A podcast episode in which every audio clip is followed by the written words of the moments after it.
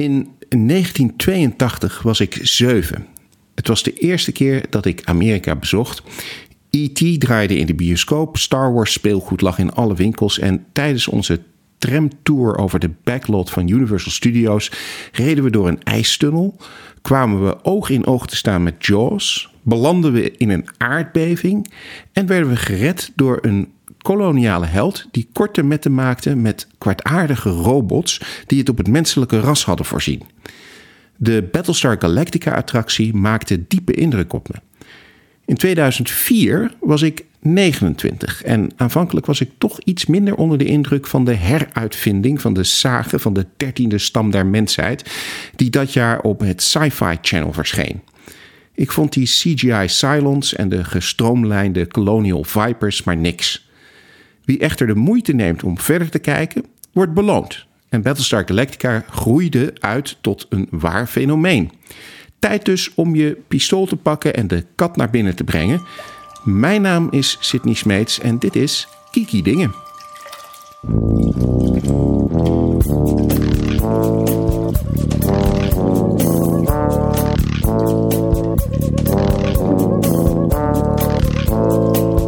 Mijn naam is Tom Aalmoes en mijn favoriete god uit het Pantheon is denk ik Zeus. Omdat hij associaties heeft met Adama en zo. Mijn naam is Linda Duits en mijn favoriete god uit het Pantheon is natuurlijk Dionysus. De- Mijn naam is Jurian Ubachs en mijn favoriete god uit het Pantheon is geen van allemaal, want er is maar één true god en Gaius Baltar is zijn profeet. Kijk, ja. Ehm, ja, mijn naam is dus Sydney Smeets. En eh, ik denk dat mijn favoriete god uit het Pantheon ook gewoon Zeus is. Want die eh, doet het met iedereen. Ehm, u hoorde hem al eventjes. Eh, we hebben een speciale gast deze uitzending, of deze aflevering. Juriaan Ubachs. Ehm, hallo Juriaan. Kun jij de luisteraar vertellen wie jij eigenlijk bent? Wie ik eigenlijk ben. Nou, eh, nou wie ik eigenlijk ben, vertel ik liever niet. Nee, eh, ik ben Ubachs. Ik ben eh, met name bekend als redacteur van Tweakers, maar ook als podcastmaker bij Met Nerds om Tafel. Eh, daar hebben we Linda ook te gast gehad. Dus dat is allemaal hartstikke gezellig. lekker En, eh, inteelt.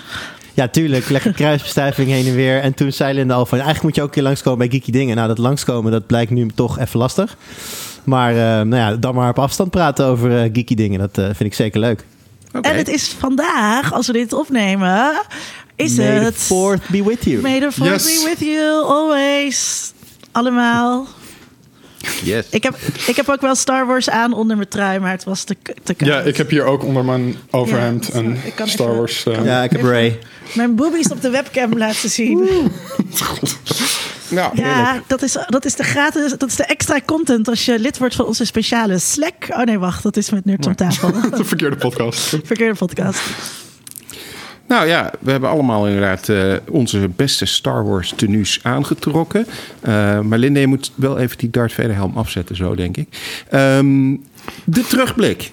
Wat hebben we gezien en gekeken eh, de laatste tijd? Eh, laten we maar eens gewoon beginnen bij onze gast, Jurian.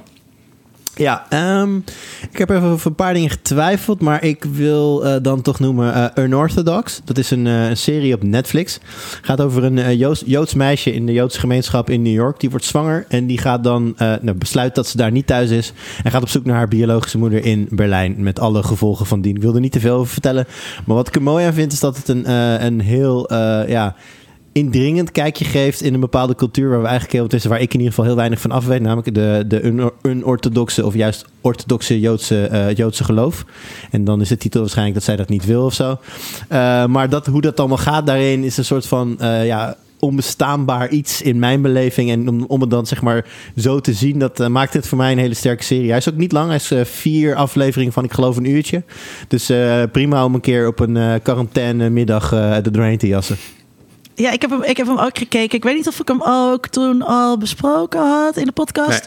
Ehm, ik, vond het, ik vond het dus ook heel intrigerend, omdat je niks weet van die wereld.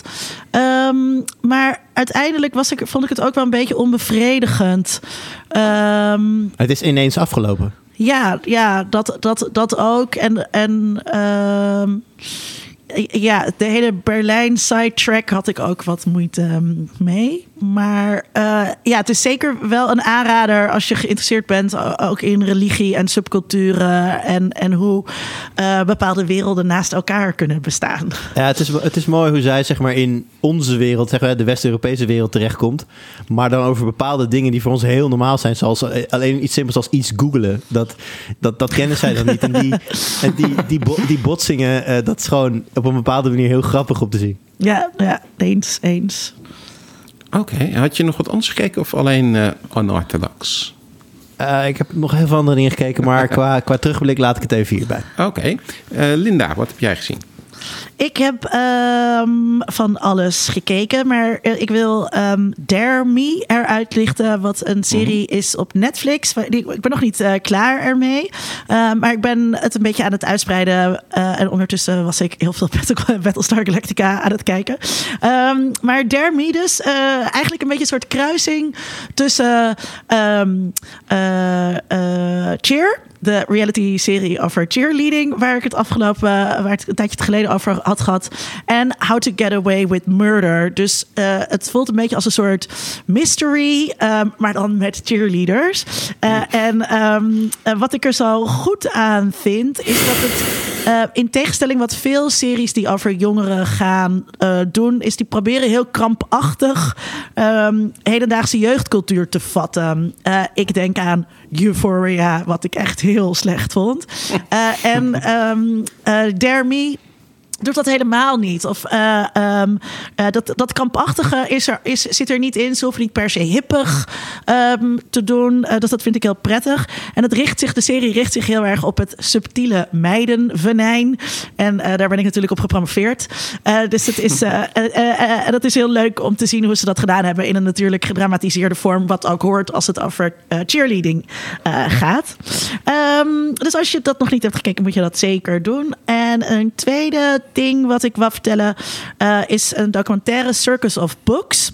Um, beetje rare documentaire eigenlijk. Het gaat over een hardcore gay boekhandel in LA die gerund wordt. En daar zit dan het in die gerund wordt door twee hetero's met een gezin. En um, uh, er zit ook een geeky component in, want de vader, um, dus de eigenaar van die boekwinkel, die werkte vroeger aan special effects in Hollywood. Dus onder andere aan 2001 uh, en, en aan Star Trek ook. Dus ook voor geeks, ook als je niet gay bent of niet queer of niet per se roze, ook dan zit er een leuk element in. Um, voor de fans ook Alaska uit RuPaul's Drag Race, die zit erin, want die heeft in die boekhandel gewerkt. Het biedt een heel mooi inkijkje. Uh, sowieso in uh, wat het betekent om in een wereld van uh, seks te werken.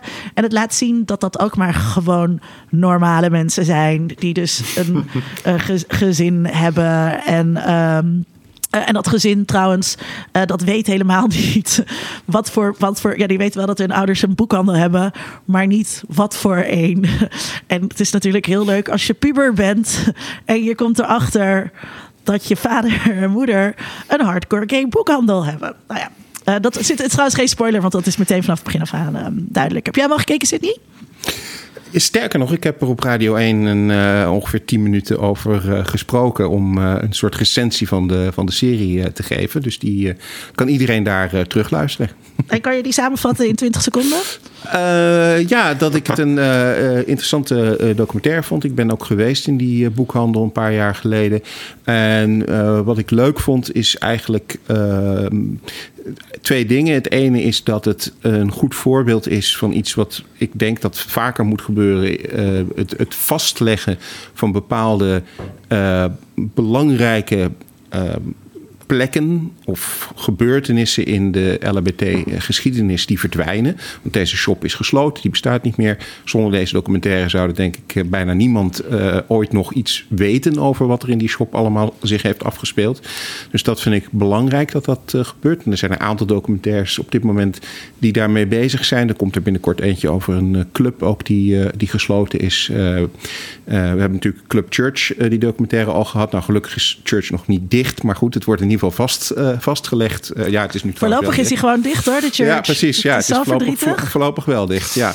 Ehm, en het tweede wat ik er belangrijk aan vind, is dat het goed laat zien van twee kanten waarom uit de kast komen helemaal niet zo eenvoudig is als de Johan Derksens van deze wereld beweren dat het is. Ehm, de moeder is Joods, is vrij conservatief.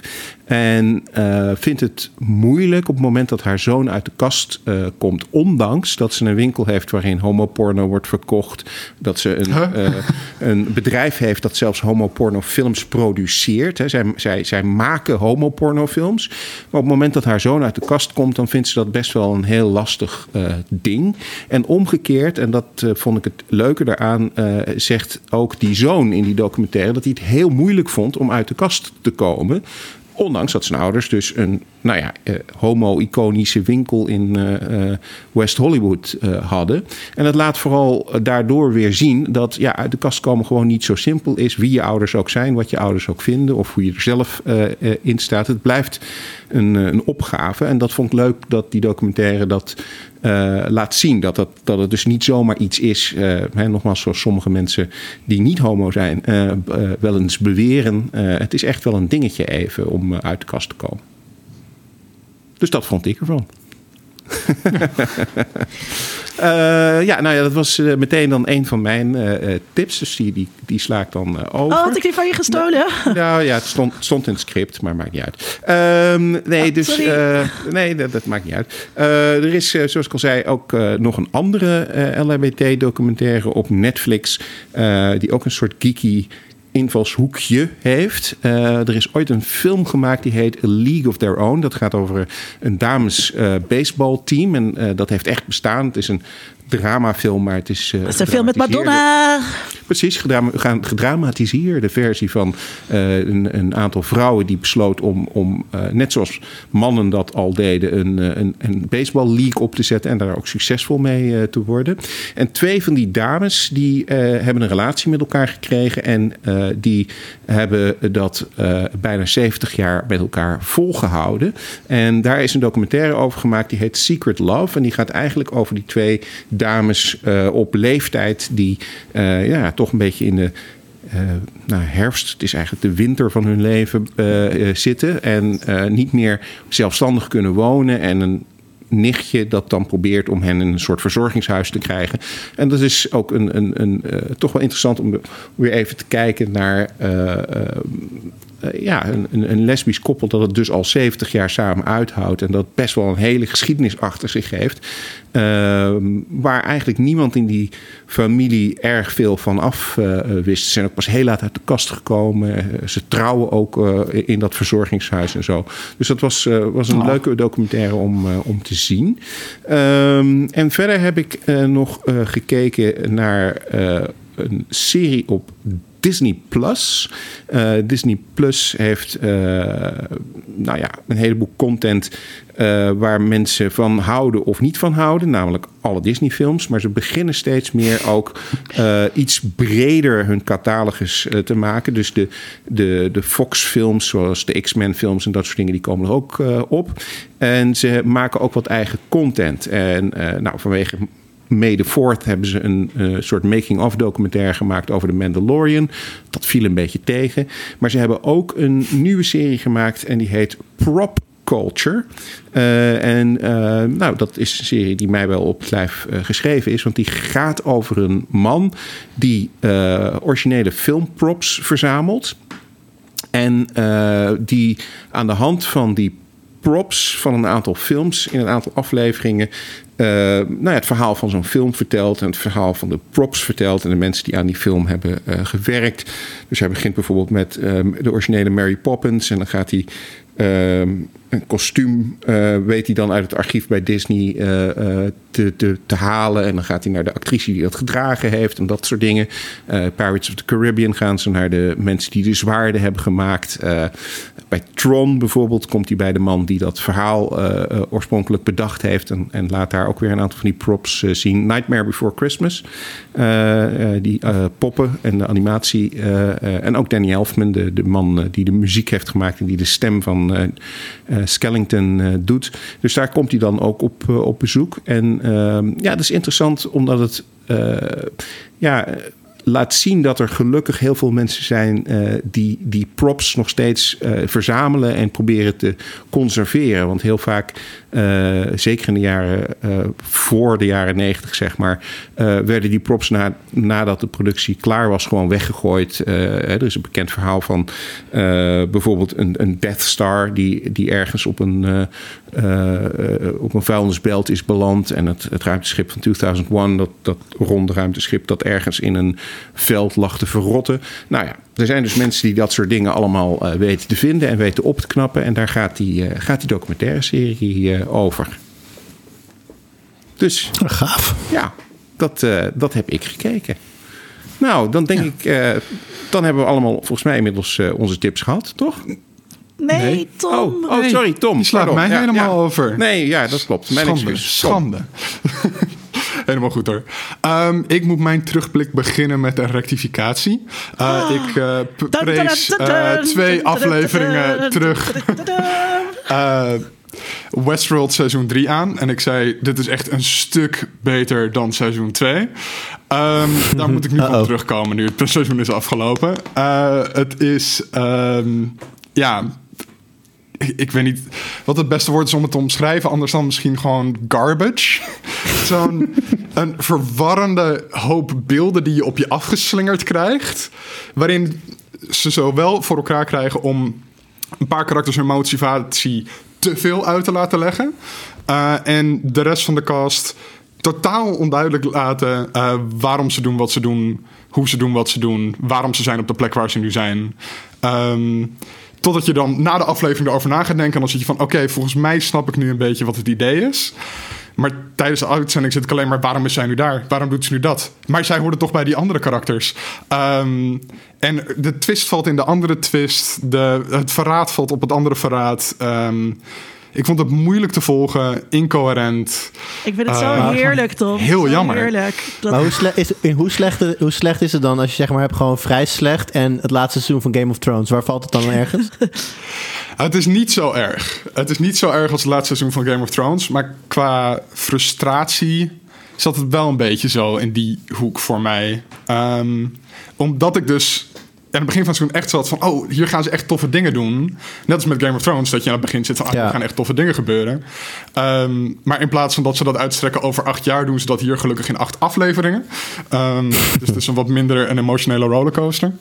Um, maar ik vind het gewoon niet best. Het is gewoon echt heel jammer. Ze hadden een hele interessante setup. Um, dus het, het, leek erop alsof we meer de wereld gingen zien. Alsof er meer een, zoals we het hier vaker over gehad hebben, sociologische versus psychologische uh, manier van verhalen vertellen. Dat ze wat meer sociologisch gingen naar de maatschappelijke structuren, dat soort dingen. En het vervalt allemaal weer in psychologisch, persoonlijke motivaties, liefde, haat, bah. dat soort dingen. Overdreven bah. sentimenteel. Het, het is gewoon niet voor mij. Uh, echt helemaal niks voor mij. En dat is heel gek, want ik volgde subreddit dus ook. En daar was iedereen lyrisch. Hm. Um, dat ik echt zit, hebben net naar hetzelfde zitten kijken. Dat is heel vreemd. Maar Tom, dus ik hoef het niet te kijken nu. Nee. Ja, nee. Dat is geen uh, opdracht meer voor je. Kijk jij, Jurion? Wat zeg je? Kijk jij? Ik heb West, Westworld heb ik seizoen 1 van gezien. En toen ben ik op een gegeven moment aan 2 begonnen. En daar haakte ik eigenlijk vrij snel in af. Ja, ik, ik, ja, dus, ook, ik dus ook. En toen, en, maar toen zaten zij echt zo... Nee, nee, nee, je moet echt seizoen 3 gaan kijken. Daar, daarom vind ik dit ook zo leuk. dat, dat hoeven we dus dan Heb jij hem al afgekeken, Sydney? Nee, ik moet nog uh, de laatste twee afleveringen kijken. Dus ik, uh, ik behoud, oh, okay. behoud me nog even het recht Dan heb je voor, nog wat voor het boek. Uh, om het misschien wel heel goed te vinden. Ja, ja misschien wel. Um, ik heb uh, daarnaast ook nog. Um, um, ja, ik was eigenlijk wel klaar met al mijn Xbox games en al mijn hele Steam library. waren allemaal games die ik ondertussen wel uh, een beetje ken. Te veel heb gespeeld ondertussen. Dus ik had gezegd, nou, ik ga iets anders proberen. En op je iPhone en op je Mac kan je nu met Apple Arcade allemaal indie games uh, spelen voor 5 euro per maand. Dus ik had gezegd, nou, zolang ik dat aan en kijk even wat er daar allemaal in de aanbieding is. En toen heb ik um, gisteren uh, vanaf 6 uur s'avonds tot 12 uur s'nachts non-stop Outlanders gespeeld. Een uh, indie spelletje waarbij je um, een paar dorpelingen uh, een dorpje moet laten ontwikkelen. Met speciale opdrachten van zorgen dat zo, ervoor dat zoveel broden ontwikkeld worden. Zorg, voor, zorg ervoor dat er zoveel tomaten zijn of zo. En luisteraars uh, weet al dat ik met Stardew Valley heel erg verslaafd was geraakt. Uh, en Linda ook. En dit was een beetje hetzelfde. Gewoon geef mij een boerderijtje uh, waar ik digitale mensjes dingetjes kan laten doen. En ik ben intens gelukkig. Um, dus ik ben daar heel erg zoek mee geweest. Dus kan ik heel erg aanraden. Ik ga dit niet doen. Ik moet een boek schrijven. ik ga dit niet doen. Als een soort strafwerkregels moet ik dit aan mezelf herhalen. Oh ja. Uh, en dat was het eigenlijk uh, wat ik gezien en uh, beleefd heb.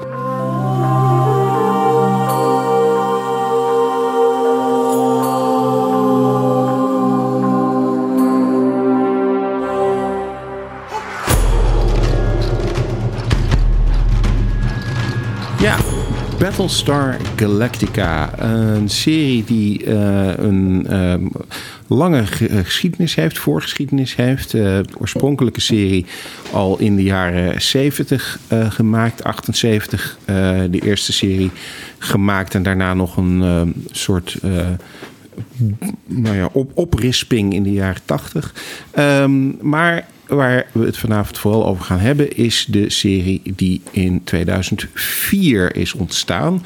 Uh, Sci-Fi Channel um, begon met het maken van eigen producties. Daarvoor hadden ze eigenlijk vooral herhalingen van oude series die ze uitzonden. Maar ze bedachten dat ze ook zelf wel iets konden. En uh, dat werd de uh, eerste miniserie en later de serie Battlestar Galactica. En volgens mij uh, had Linda het nog nooit gezien voordat we besloten deze aflevering te gaan maken.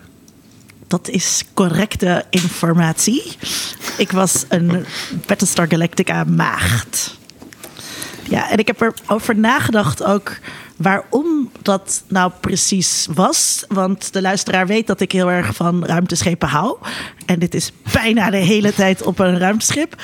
En ik weet dus, ik weet dus eigenlijk niet waarom ik dat toen nooit uh, heb, heb gekeken eigenlijk. Ik kan er... Ik kan daar niet zo goed een reden voor, voor verzinnen. Dus het was in 2004 ik was toen gewoon in Nederland. Ik had gewoon een tv en internet en, en, en al die dingen. Um, maar ja, toen was ik ook een boek aan het schrijven. Misschien kwam het daar. Ah, nee, ja. nee, dat, ik, ik, ik, ik weet het, ik weet het uh, echt niet. Misschien omdat ik samenwoon. Dat, uh, dat, dat, dat is eigenlijk het enige wat ik kan bedenken. Uh, dat ging ik namelijk in 2004. Um, maar uh, nu moest ik het dus kijken voor deze aflevering. En, uh, en ik, ja, ik, ik was echt. Uh, uh, toen was ik helemaal verbaasd waarom ik het dus nooit had gekeken. Omdat ik het echt heel vet vond. niet alles vond ik heel vet. Maar zeker toen ik het aan, het aan, aan de eerste aflevering begon. En aan het eerste seizoen begon. Was ik echt heel erg onder de, onder de indruk. Ik vond het ontzettend goed gemaakt. Maar daar gaan we het nu over hebben, denk ik. Klopt. Ja. Wat, maar wat, wat, uh, want, uh, want we hebben Jurian gevraagd, omdat ik weet dat Jurian uh, het allemaal al gezien had en het leuk vindt. Wat is jouw oordeel van, over de serie? Nou, het is heel grappig, want je zei dat ik het allemaal gezien had. Dat is dus niet waar. Ik, oh. ik, ben destijds, toen hij uitkwam, ik, had, ik woonde ook samen, maar dan met huisgenoten in een studentenhuis. En een van mijn huisgenoten was helemaal fan. En uh, die, met hem ben ik op een gegeven moment begonnen die serie te kijken. Nou, op een gegeven moment ging hij wat sneller door dan ik. ging ik op mijn eigen tempo verder. En toen ben ik ergens in seizoen 3 ben ik afgehaakt. En ik weet nu ook weer waarom. Want ik ben namelijk, toen ik twee maanden geleden ongeveer begon om alles te herkijken... ben ik opnieuw op ongeveer hetzelfde punt afgehaakt. En, en oh, uiteindelijk ja. toen, zeg maar... Toen uh, deze podcast dichterbij kwam, toen... Uh, gaat alles nog goed? Ja, uh, nee, sorry. Mijn koptelefoon valt uit. En oh. elke keer als ik hem aanzet, gaat hij weer uit. Dus ik moet even op zoek naar een kabeltje. Sorry ervoor. Uh. Kan je... Moet ik even wachten? Uh, Zal ik doorgaan? Of? Ja, ja, gaat maar door. Ja. Wat, wat, was het moment dat je, wat was het moment dat je stopte? Uh, voor mijn gevoel verandert de serie uh, halverwege seizoen 3 iets te veel in een soapserie. En gebeurt er qua dingen die het verhaal echt verder helpen. Eh, te weinig. Het gaat op een gegeven moment alleen maar bij wie Apollo uiteindelijk uit gaat komen. En of hij dan toch met Douala en wat met Starbuck en, en, en Anders. En, hoe, en die vinden het allemaal niet leuk. En oh, het is allemaal zoveel gedoe. Maar uiteindelijk gebeurt er eigenlijk helemaal niks. En dat gaat gewoon net even te lang door in, eh, in seizoen 3. Dat was mijn, eh, mijn afhaakpunt, om het zo te noemen. Ja. Maar inmiddels heb ik wel alles gezien. En heb ik het einde ook gezien en zo. Dus ik, ik ben helemaal bij. En ik ben nog steeds fan. Maar vond je het dan toen niet kut dat je het einde had gemist? Eh, Of was het dan toch weer uit je systeem van... Ja, niet per se. Maar ik heb zeg maar sindsdien, heb ik, eh, ik heb zeg maar nu de afgelopen twee maanden gewoon de hele serie opnieuw gekeken. Niet, niet waar ik was gebleven. Ja, nee, maar Ja, ik, vind, precies. ik vind het wel grappig dat je, dat je kunt dus heel erg invested zijn in een, in een serie, maar dan ook gewoon afhaken en dan ook denken, nou, fuck it. Ja, oké, boeien dan hoe het afloopt of zo. Ja. Dat, ja. Ja, nee, op, ja, op een gegeven moment dan ga je er ook uit. Je, je herkent het wel. Dan heb je op een gegeven moment een paar, we- een paar dagen niet gekeken. Dan heb je een paar weken niet gekeken. En op een gegeven moment is het maanden later denk je... oh ja, ik was op een gegeven moment nog bezig met die serie. En nou ja, goed. En dan heb je alweer andere series op je bord liggen... en dan hoeft het allemaal niet meer. ja. En, en jullie, hadden jullie, hebben jullie het toen gekeken? Tom, jij was toen eh 12 of zo? Eh, ja, ik was... eh, eh, eh, even denken. In 2004 was ik 11. Ehm, maar eh, ik heb destijds... Heb ik van mijn moeder keek het. Dus ik heb soms dan een aflevering eh, eh, meegekregen. Ja, moeder is zo leuk. Ehm, ja, zij keek ook altijd heel veel Star Trek. Dus vandaar heb ik heel veel van Enterprise en zo meegekregen. Omdat zij dat gewoon altijd keek. Ehm, maar ik heb het toen nooit echt gekeken. En later pas, toen op de middelbare school... ehm, keek ik altijd series met een vriend van me. En hij kwam op een gegeven moment aan met van... Wow, ik heb nu toch iets vets ontdekt. Het begint met het uitroeien van het menselijke ras. En dat ik echt zat van... Oh, oké, what the fuck? Oké, sure, we gaan het kijken. Leuk. En toen heb ik met hem eigenlijk die hele serie gekeken. En toen waren we aan het einde. En toen zijn we gewoon weer opnieuw begonnen. Zo erg fan waren we eh, destijds. Nice. jij zit in? Ja, ik, Eh, ik ben gaan kijken halverwege het eh, vierde seizoen ongeveer. Ehm, ik had de, miniserie al wel gezien. En natuurlijk de, de oude serie uit 78, die had ik al heel vaak eh, gezien als, eh, als kind. Dus ik vond het interessant toen die miniserie uitkwam. En toen, heb ik er naar gekeken. Maar ik was de eerste keer dat ik dat zag niet zo onder de indruk. Wat ik, wat ik net al zei eigenlijk. Ik vond vooral dat de CGI van de, van de ruimteschepen en de Cylons en zo er ja, gewoon niet goed uitzag. En dat, dat stuitte mij toen bij de miniserie in ieder geval zo tegen de borst dat ik dacht van nou laat maar. De oude serie vond ik heel cool. Eh, groot verschil met de oude serie is ook dat die heel erg ehm, ontworpen is. De kleding die ze aan hebben, de helmen die ze op hebben, eh, is heel sci-fi met ja, soort, soort ehm, menselijke mythologie erin verwerkt. En in die nieuwe serie, dat vond ik ook eh, in eerste instantie jammer. eh, zit het heel dicht bij, bij ons eigenlijk. Hè? Gewoon eh, pistolen en auto's en sigaretten. En de uniformen die ze aan hebben zijn eigenlijk gewoon nou ja, zoals nu militaire uniformen er ook uit zouden zien. Dus ik vond dat allemaal een beetje dat ik dacht van... nou, ik vond die oude serie eigenlijk veel cooler, laat maar. En toen ben ik in het, eh, rond het vierde seizoen opnieuw eh, begonnen... omdat wij eh, toen in Engeland waren en daar was een dvd-box van de eerste eh 4,5 seizoen... die heb ik gekocht, heb ik alles gekeken en het, en het einde ook. En toen vond ik het, vond ik het heel goed. En ja, nu heb ik het weer herkeken. En eh, voor de luisteraar, eh, die kan dat vanaf nu geheel gratis gaan, eh, gaan doen. Althans, als je een abonnement hebt op Amazon Prime. Want die hebben de serie eh, vorige week online gezet. Gratis met een abonnement. Ja, met een abonnement. Gratis met een abonnement. Ja. Nou, als, je, als je weet hoe een VPN werkt, dan kun je ook gewoon. Dan kun je ook gewoon. eh ehm, sci-fi, dus de site van sci-fi zelf, daar staat alles online. Klopt, ja. ja. Ja, sterker nog, die hebben het volgens mij ook vanwege corona, eh, corona alles eh, gratis gemaakt. Dus eh, kan je inderdaad ook ja, kijken. Ja. Maar je moet alleen wel even doen alsof je uit Amerika komt. Ja. Ja, nou ja, we hebben het dus allemaal gekeken en herkeken. En de meeste van ons ook recent zelfs herkeken. Ehm, als we ons proberen te verplaatsen in... ik zei al, er was een, een serie in de jaren zeventig. Eh, dan besluit men om dat in 2004 eh, te gaan remaken of heruitvinden... of hoe je het ook wil, wil noemen. Ehm, als je die serie bekijkt, kun je dan bedenken... Wat, waarom zou je die, die serie op dat moment willen uh, maken? Wat, waarom zou je dat verhaal op dat moment willen vertellen? Wat zijn jullie gedachten daarover? Linda. Ja, ik kan dat oh. niet beantwoorden, want ik heb die oude serie niet gezien. Dus, nee, ik bedoel niet het vergelijken met de oude serie, maar ik bedoel deze serie, die wordt in 2004 gemaakt. En die gaat over een aantal dingen. En waarom, waarom wordt die serie gemaakt? Wat is, wat is de reden om die serie te gaan maken? I don't know. nou ja, de, de analogie met de aanslagen van het 11, 11 september en de, de algehele aanval op de 12 koloniën is natuurlijk snel gemaakt. Ja. ja, ik, hou niet, ik hou niet zo van dat soort uh, analogieën. Ja, maar die zitten natuurlijk wel duidelijk in. Ik bedoel, het is uh, een beetje. Um, gewoon hoe, hoe reageer je als samenleving op een soort heftig ingrijpend ding? Um, en 9-11 is natuurlijk peanuts tegenover de totale uitroesting van, uh, uit, uh, verwoesting van 12 planeten.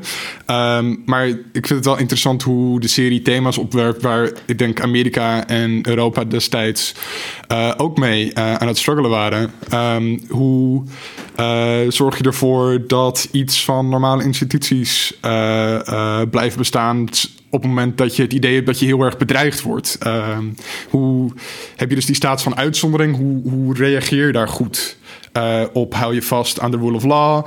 Of heb je zoiets van nee, uitzonderlijke tijden vragen om uitzonderlijke maatregelen? Um, Ik vind het interessant hoe het daarop doorborduurt. Uh, uh, voorbij vragen die direct relevant zijn voor dat moment. Ik, ik, ik, het is dus. Um uh, weet je, elk, elke, elke cultuurtekst is een, is een product van zijn uh, eigen tijd. Um, maar ik keek het in het nu.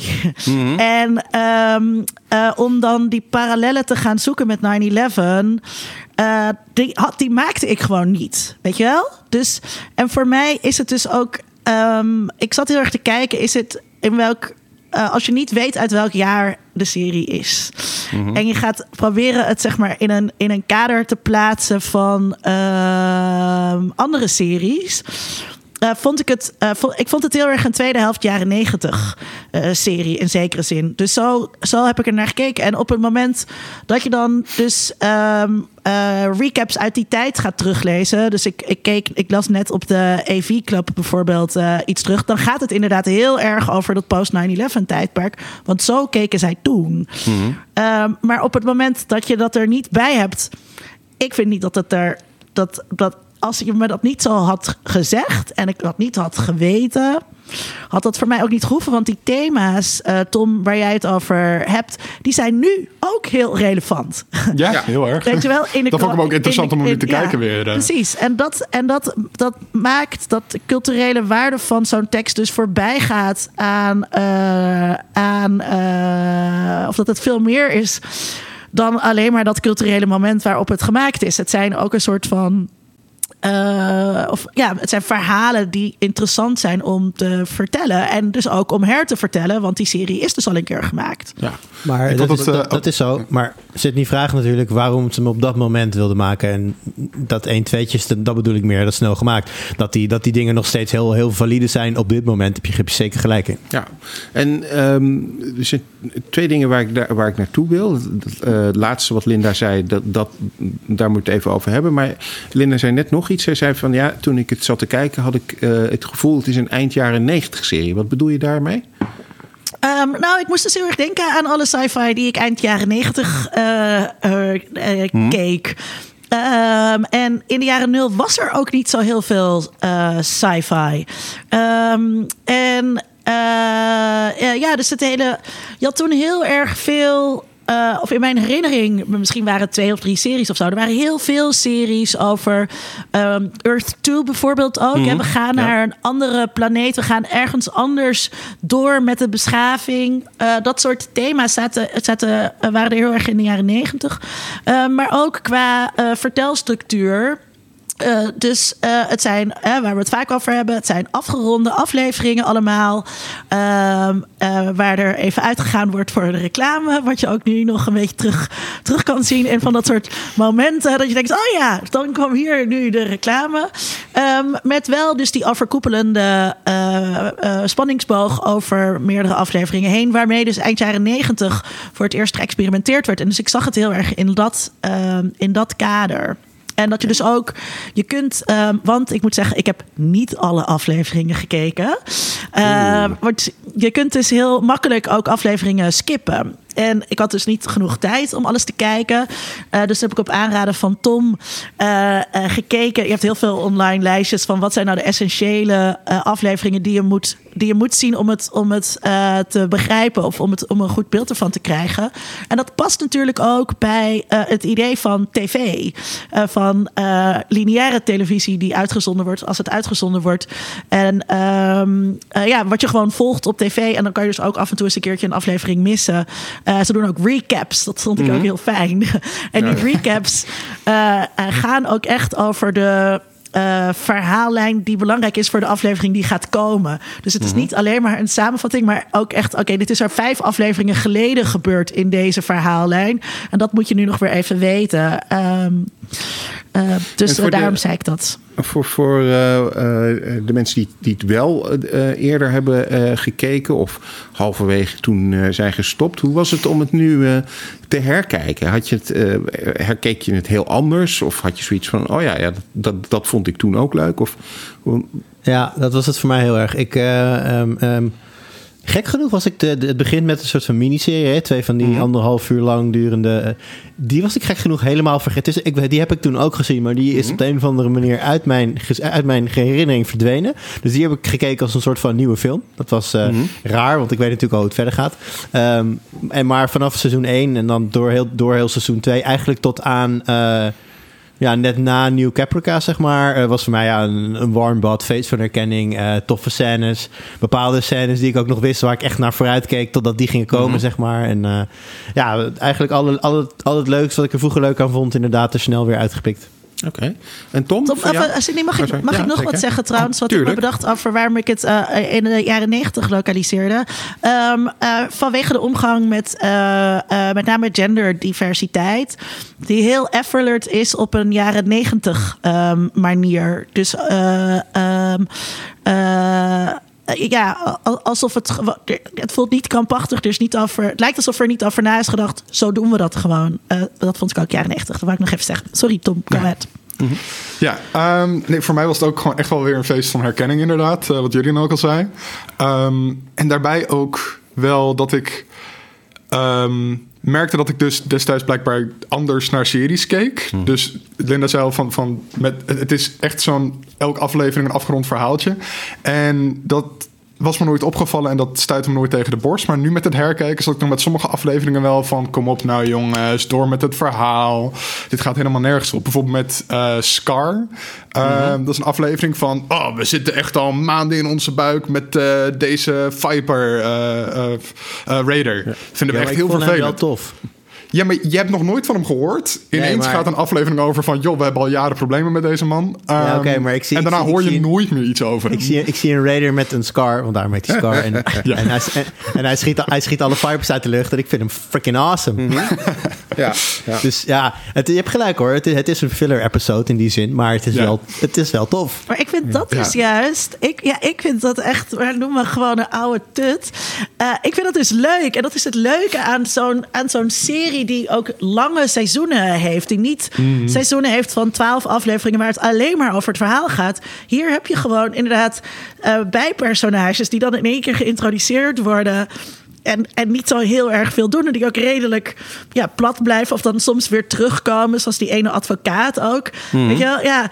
Uh, ik, ik, ik vind dat wel prettig. Want het geeft veel meer het idee van een universum dan, dat, dan, dan zo'n Netflix-serie van nu, waarin alles in het verhaal een hele duidelijke functie naar het einde uh, heeft. Ja. Mm, ik denk dat dat inderdaad wel klopt. Dat vond ik op zich ook wel fijn aan die karakters en uh, hoe die ensemblecast werkt in Battlestar. Dat je gewoon mensen soms vijf, zes, zeven afleveringen niet of nauwelijks ziet, of alleen maar op de achtergrond uh, ziet. En dat ze dan in één keer hun eigen aflevering krijgen waarin ze helemaal uit de verf komen. Mm -hmm. Waardoor het echt voelt alsof die Battlestar ook niet alleen maar bevolkt is met achtergrondkarakters en de main cast, maar echt ingeleefd wordt en dat iedereen echt een persoon is. Heel en dat vind ik echt heel sterk aan de serie. Ja, ja. Heel Eh, en dat blijft ja. ook heel sterk door al die seizoenen heen. Ja, tegelijkertijd doorbrak dat juist voor mij ook wel weer een beetje eh, de, de, mijn zin af en toe om verder te kijken. Want eh, je hebt overkoepelend is natuurlijk de Manside versus de Silence en, en, en de zoektocht naar eh, de derde kolonie die dan aarde moet zijn.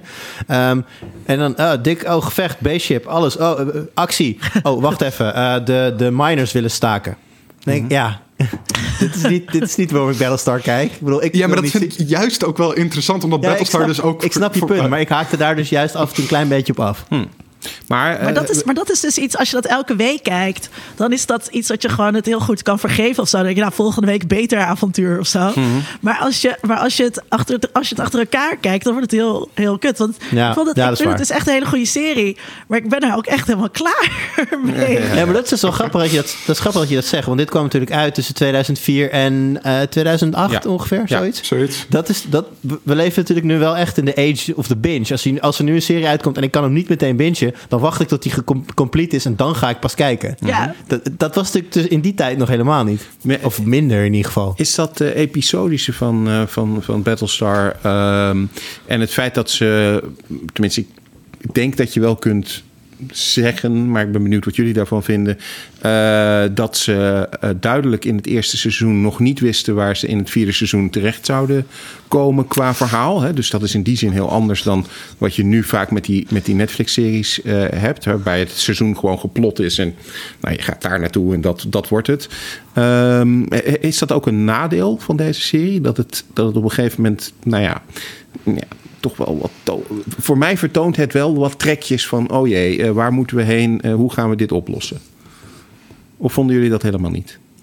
Nou, laten we vooropstellen dat ze inderdaad sowieso zelf nog niet wisten eh, wat er ging gebeuren. Voor, een leuk voorbeeldje daarvan is, je hebt die, eh, die, ehm, die Anders, die, dat is een verzetstrijder op, eh, op Caprica. Wordt uiteindelijk opgehaald, komt op de Battlestar terecht en voert uiteindelijk een hele, heeft uiteindelijk een belangrijke rol in de eindfase. Ehm, hij was eigenlijk maar gehuurd voor drie afleveringen, maar hij deed het zo goed dat hij erin is gebleven. En dat ze hem dus bij het schrijven voor nieuwe seizoenen. En, ja, en op een gegeven moment kreeg hij dus een telefoontje van wat er dan met zijn personage allemaal ging gebeuren. En hij viel ze wat stijl achterover. Ging eh, overnight van leuk extra character naar. Nou, een van de belangrijkste rollen. Dus ze wisten het zeker niet. Maar ehm, ik herken me niet in, in wat jij zegt dat, dat het storend zou gaan werken. Dat, omdat je merkt dat ze niet weten wat ze willen of iets dergelijks. Oké. Hoe vonden jullie dat? Ja, ik- Nou, ik merk dat wel een beetje hoor. Ehm, zeker bij die laatste, eh, vanaf eindseizoen 3, dat ze dan eh, die Final Five erin brengen. Ik vond dat destijds, toen ik het voor het eerst keek, nooit echt een probleem. En ik snapte altijd de kritiek niet. En nu zit ik wel een beetje van, ja, het is wel allemaal heel erg toevallig dat die met z'n allen nou hier zitten. Eh, dat die het met z'n allen toevallig overleefd hebben. En ehm, Niet allemaal, hè? ja, dat vond ik dan. Ja, maar die wordt dan weer geresurrect. Ja, ja, En, ehm, ja, ik vond dat wel allemaal een beetje van... Oh, en dan zijn die ineens heel belangrijk. Eh, en dan zijn ze Cylons. En, oh, Ja. maar dat wisten de andere Cylons niet, want eh, laat me even denken. Kom, kom zo bij je terug. Ehm, right? Dus het, het voelt allemaal een beetje ad- meer ad hoc aan het einde. Ik vond dat met die Final Fi- Five eh, best wel een deceptie of zo. Dat, dat, dat had, daar had ik meer excited over moeten zijn, had ik het idee. Ehm, ja, ook een beetje, dat vond ik dus wel weer geforceerd of zo. Ehm, en ik, vond, ik vind het wel ehm, aan het einde. eh, ook heb ik dus niet alles gezien van seizoen 3 en 4. Eh, het, het gaat een beetje zwabberen. Ehm, eh, ja, het, het, en, en, en ik, heb, ik heb echt net, dus echt net het einde-einde gezien voor het eerst. Dus ik weet niet of we het daar nu al over mogen hebben. Eh, nou ja, Ehm. kunnen we doen. En dan gaan we daarna gewoon terug naar eh, wat thema's. Maar eh, we kunnen het gewoon even hebben over het einde. Want het einde eh, is een, een ding. Hè. Het wordt verdeeld. Mag ik daar nog één ding zeggen Ja, over die. Final Five? Ja. Voordat we naar het einde Ja, gaan? ja. Ja, Nou, want je hebt op een gegeven moment eh, het hele verhaal, eh, ik weet niet of je dat nog weet, over number 7. Ja. En number 7, dat was Daniel. Ja. En Daniel die was eh, gedood, is helemaal misgegaan. Ehm, en, maar het was een, een kunstenaar, een artiest. En ik had zo het gevoel dat toen, eh toen Cara Trey Starbuck bij die pianist Mhm. op een gegeven moment dat nummer uitvogelt samen met die pianist. In mijn hoofd was het al zo klaar als een klontje dat dat Daniel moest zijn. En dat zij zijn Ja, ja. dochter moest zijn. En dus zij was dan wel niet letterlijk een silent. Maar zij was dus ook al een soort van Hybrid, voortgeplante silent. Dat was, mijn, dat was mijn theorie. Alleen dan zijn ze. Wat zij nou precies is. Ja, maar dat zijn, daar zijn ze eigenlijk nooit meer helemaal op ingegaan. Nee. Wat, op een gegeven moment verdwijnt ze natuurlijk ook. Daar komen we zo nog wel even op terug. Maar eh, het vond ik zo raar dat, dat, die hele, dat die hele status van die nummer 7... die wordt een paar keer aangehaald. Maar daar wordt verder eigenlijk helemaal niets mee gedaan. Klopt. Terwijl er gewoon een heel duidelijk een personage is... die daar heel veel mee had kunnen, kunnen, eh, van doen had kunnen hebben. Om het zo. Dat is Zat- heel raar. Zat het er Ah, dan ja, zijn- eerst wel in en is het er daarna eh, Nee. weer uitgehaald, denk je? Nee, het is... Nee, eh, nee. Kijk, ze, ze hebben het steeds over die Final 5 om op 12 te komen. Maar op een gegeven moment zegt Anders, er zijn 13 modellen. En toen zie je ineens kijken, huh, 13. En later zie je dan die, eh, volgens mij is dat eh Ellen, die dan vertelt van ja, Daniel was mijn favorite, maar eh eh, eh, Cavill die heeft, hem, eh, die heeft zijn hele lijn vergiftigd en toen hield het op of zo. Ja. En, en, en dat is het dan. Dat is, dat is de hele sidetrack van de. Ik bedoel, laat het dan weg. Ja. Ja, weet je, wat heb ik hier? Je zit me lekker te maken met een, met een kunstzinnige Daniel en vervolgens doet hij helemaal niks. Nee. Nou ja, ja ik vond dat, eh, dat dus ook wel een, een dingetje. Met name dat. Het, probleem zit volgens. Of nou, het probleem. eh, zit hem volgens mij voornamelijk in de, de silence. En inderdaad in die Final Five. Ik heb, je hebt, voor mij heeft het heel sterk het idee van. eh, eh, er is op een gegeven moment een, een pauze tussen de laatste aflevering. dat we nog niet weten wie de Final Five zijn. en dan de aflevering dat we het wel weten. En het lijkt er heel erg op dat ze in die aflevering. Of tussen die, tussen die afleveringen echt, echt heel. Eh, panisch hebben zitten zoeken van nou wie moeten we nu die Final Five eh, maken. Eh, en dat dat niet, niet echt goed bedacht is van tevoren. Het is hetzelfde met Ah, dat, ik weet niet of dat zo is. Want je hebt een, ik weet namelijk over welke aflevering je het nu hebt. En uiteindelijk worden ze allemaal getriggerd door dat liedje. Ja. Op een gegeven moment komen in die nebula. En dan ergens is een liedje en daar worden ze allemaal door getriggerd. Maar je ziet al daar. Ja, maar je ziet daarvoor al, volgens mij de één of twee afleveringen daarvoor, eh, zit eh kolonel Ty of Anders, een van die twee, zit met een radio. Ja. Die hoort daarin iets dat niemand anders lijkt te horen, maar Anders wel. Hm. En eh, zo, ik weet niet of het met alle personages op die manier gebeurt, maar Ja, dus in die, in die aflevering heb je dus... dat is de ene laatste aflevering van seizoen 3... heb je inderdaad dat alle Final Five... of de vier van de vijf die op, Battle, op Galactica zijn op dat moment... die horen allemaal dat nummer. En, Ja, maar het is dat, dat kijk, op, op het moment dat ze het nummer horen, dan komen ze op een gegeven moment ook op dezelfde plek uit. Kijk, dat is een soort van de confirmation. Maar daarvoor hebben ze allemaal al Ja, dat is de aflevering ervoor met die radio. Ja, precies. en al die momentjes, Ja. dat is de, de, de ene laatste aflevering. Allemaal in Ja. de laatste aflevering dan eh, is het Ja, echt... eh, Dan heb je de oh, onthulling Lin- inderdaad. Linda steekt de vinger op. Oh, ja. eh, Linda wil iets want, jullie hebben het dus herkeken. ehm, dus ik neem aan dat je dan bij, vanaf het begin gaat zitten kijken. Zijn er aanwijzingen dat hij... Is er iets... En Ja. voelden jullie het dan Die daar? zijn er dus Die- niet echt. Nee, die zijn er want, het- niet. want, want ze wisten het niet. Precies, Nee. ze wisten het niet. En, en hetzelfde geldt, eh, om, om, om een ander voorbeeld te noemen, eh, ook weer om, het gaat om de Silence. Want eh, begin, iedere aflevering begint met van eh, hè, de Silence lijken op ons en eh, er zijn zoveel modellen, et cetera. En ze hebben een plan. Alleen ze hebben helemaal geen plan. En dat plan. Dat komt ook nooit, behalve dan een, een Ja. soort, mini-serie-achtige aflevering. Die heet The Plan. Maar dat is ook Ja, helemaal geen plan. heeft iemand, iemand tegen...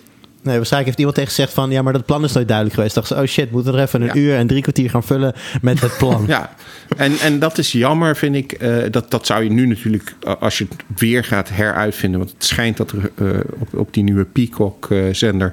nog een, een nieuwe soort Bal- Galactica komt... dan zou je dat misschien van tevoren iets beter bedenken... of op zijn minst proberen om iets slims te bedenken... met wat dat plan dan, eh, dan, dan Maar is. dus in de, in de jaren negentig, waarin deze serie niet is gemaakt. Maar in de jaren negentig kon je hier makkelijker mee wegkomen. Klopt. Omdat eh, je keek gewoon zo'n aflevering en er was wel internet, eh, maar daar zaten alleen maar een paar Sydney's eh, dit allemaal uit, te, uit te speuren. En voor de rest, ehm, je had geen smartphone waarmee je terwijl je op de bank zat even de serie kon pauzeren om na te zoeken hoe zat het ook alweer in de mythologie met al deze, met al deze dingen. En dat is natuurlijk wel hoe we nu kijken. We zijn nu zo gewend dat er allemaal puzzels eh, eh, zijn en dat we alle clues moeten vangen en dat die ook besproken worden in al die dingen. Dus ehm, ehm, eh, en nou ja, ik zou, ik, deze serie zit er dus een beetje tussenin hè, in, die, in die jaren nul. Eh, dus ik vraag me ook af hoe erg dat toen was. Nou, dit is dus al eh, een ding dat ik had gelezen over de dood van Starbuck. Ja. Eh, want zij gaat dus op een gegeven moment dood. En dan wordt ze ook echt eh, uit alle credits gehaald. Eh, dus dan lijkt het ook echt alsof die actrice niet meer meedoet. En dan een paar afleveringen later eh, komt ze weer eh, terug. Ehm, en dit was dus de eerste keer dat echt scripts online begonnen te lekken. Dat er ge- geruchten waren over... Ah, Starbuck komt terug, het, is allemaal nep, het is allemaal een ruse. En dat die showrunners daar echt mee zaten van... Dit hebben we nog nooit meegemaakt dat dit nu gelekt is. Moeten we dan gewoon weer...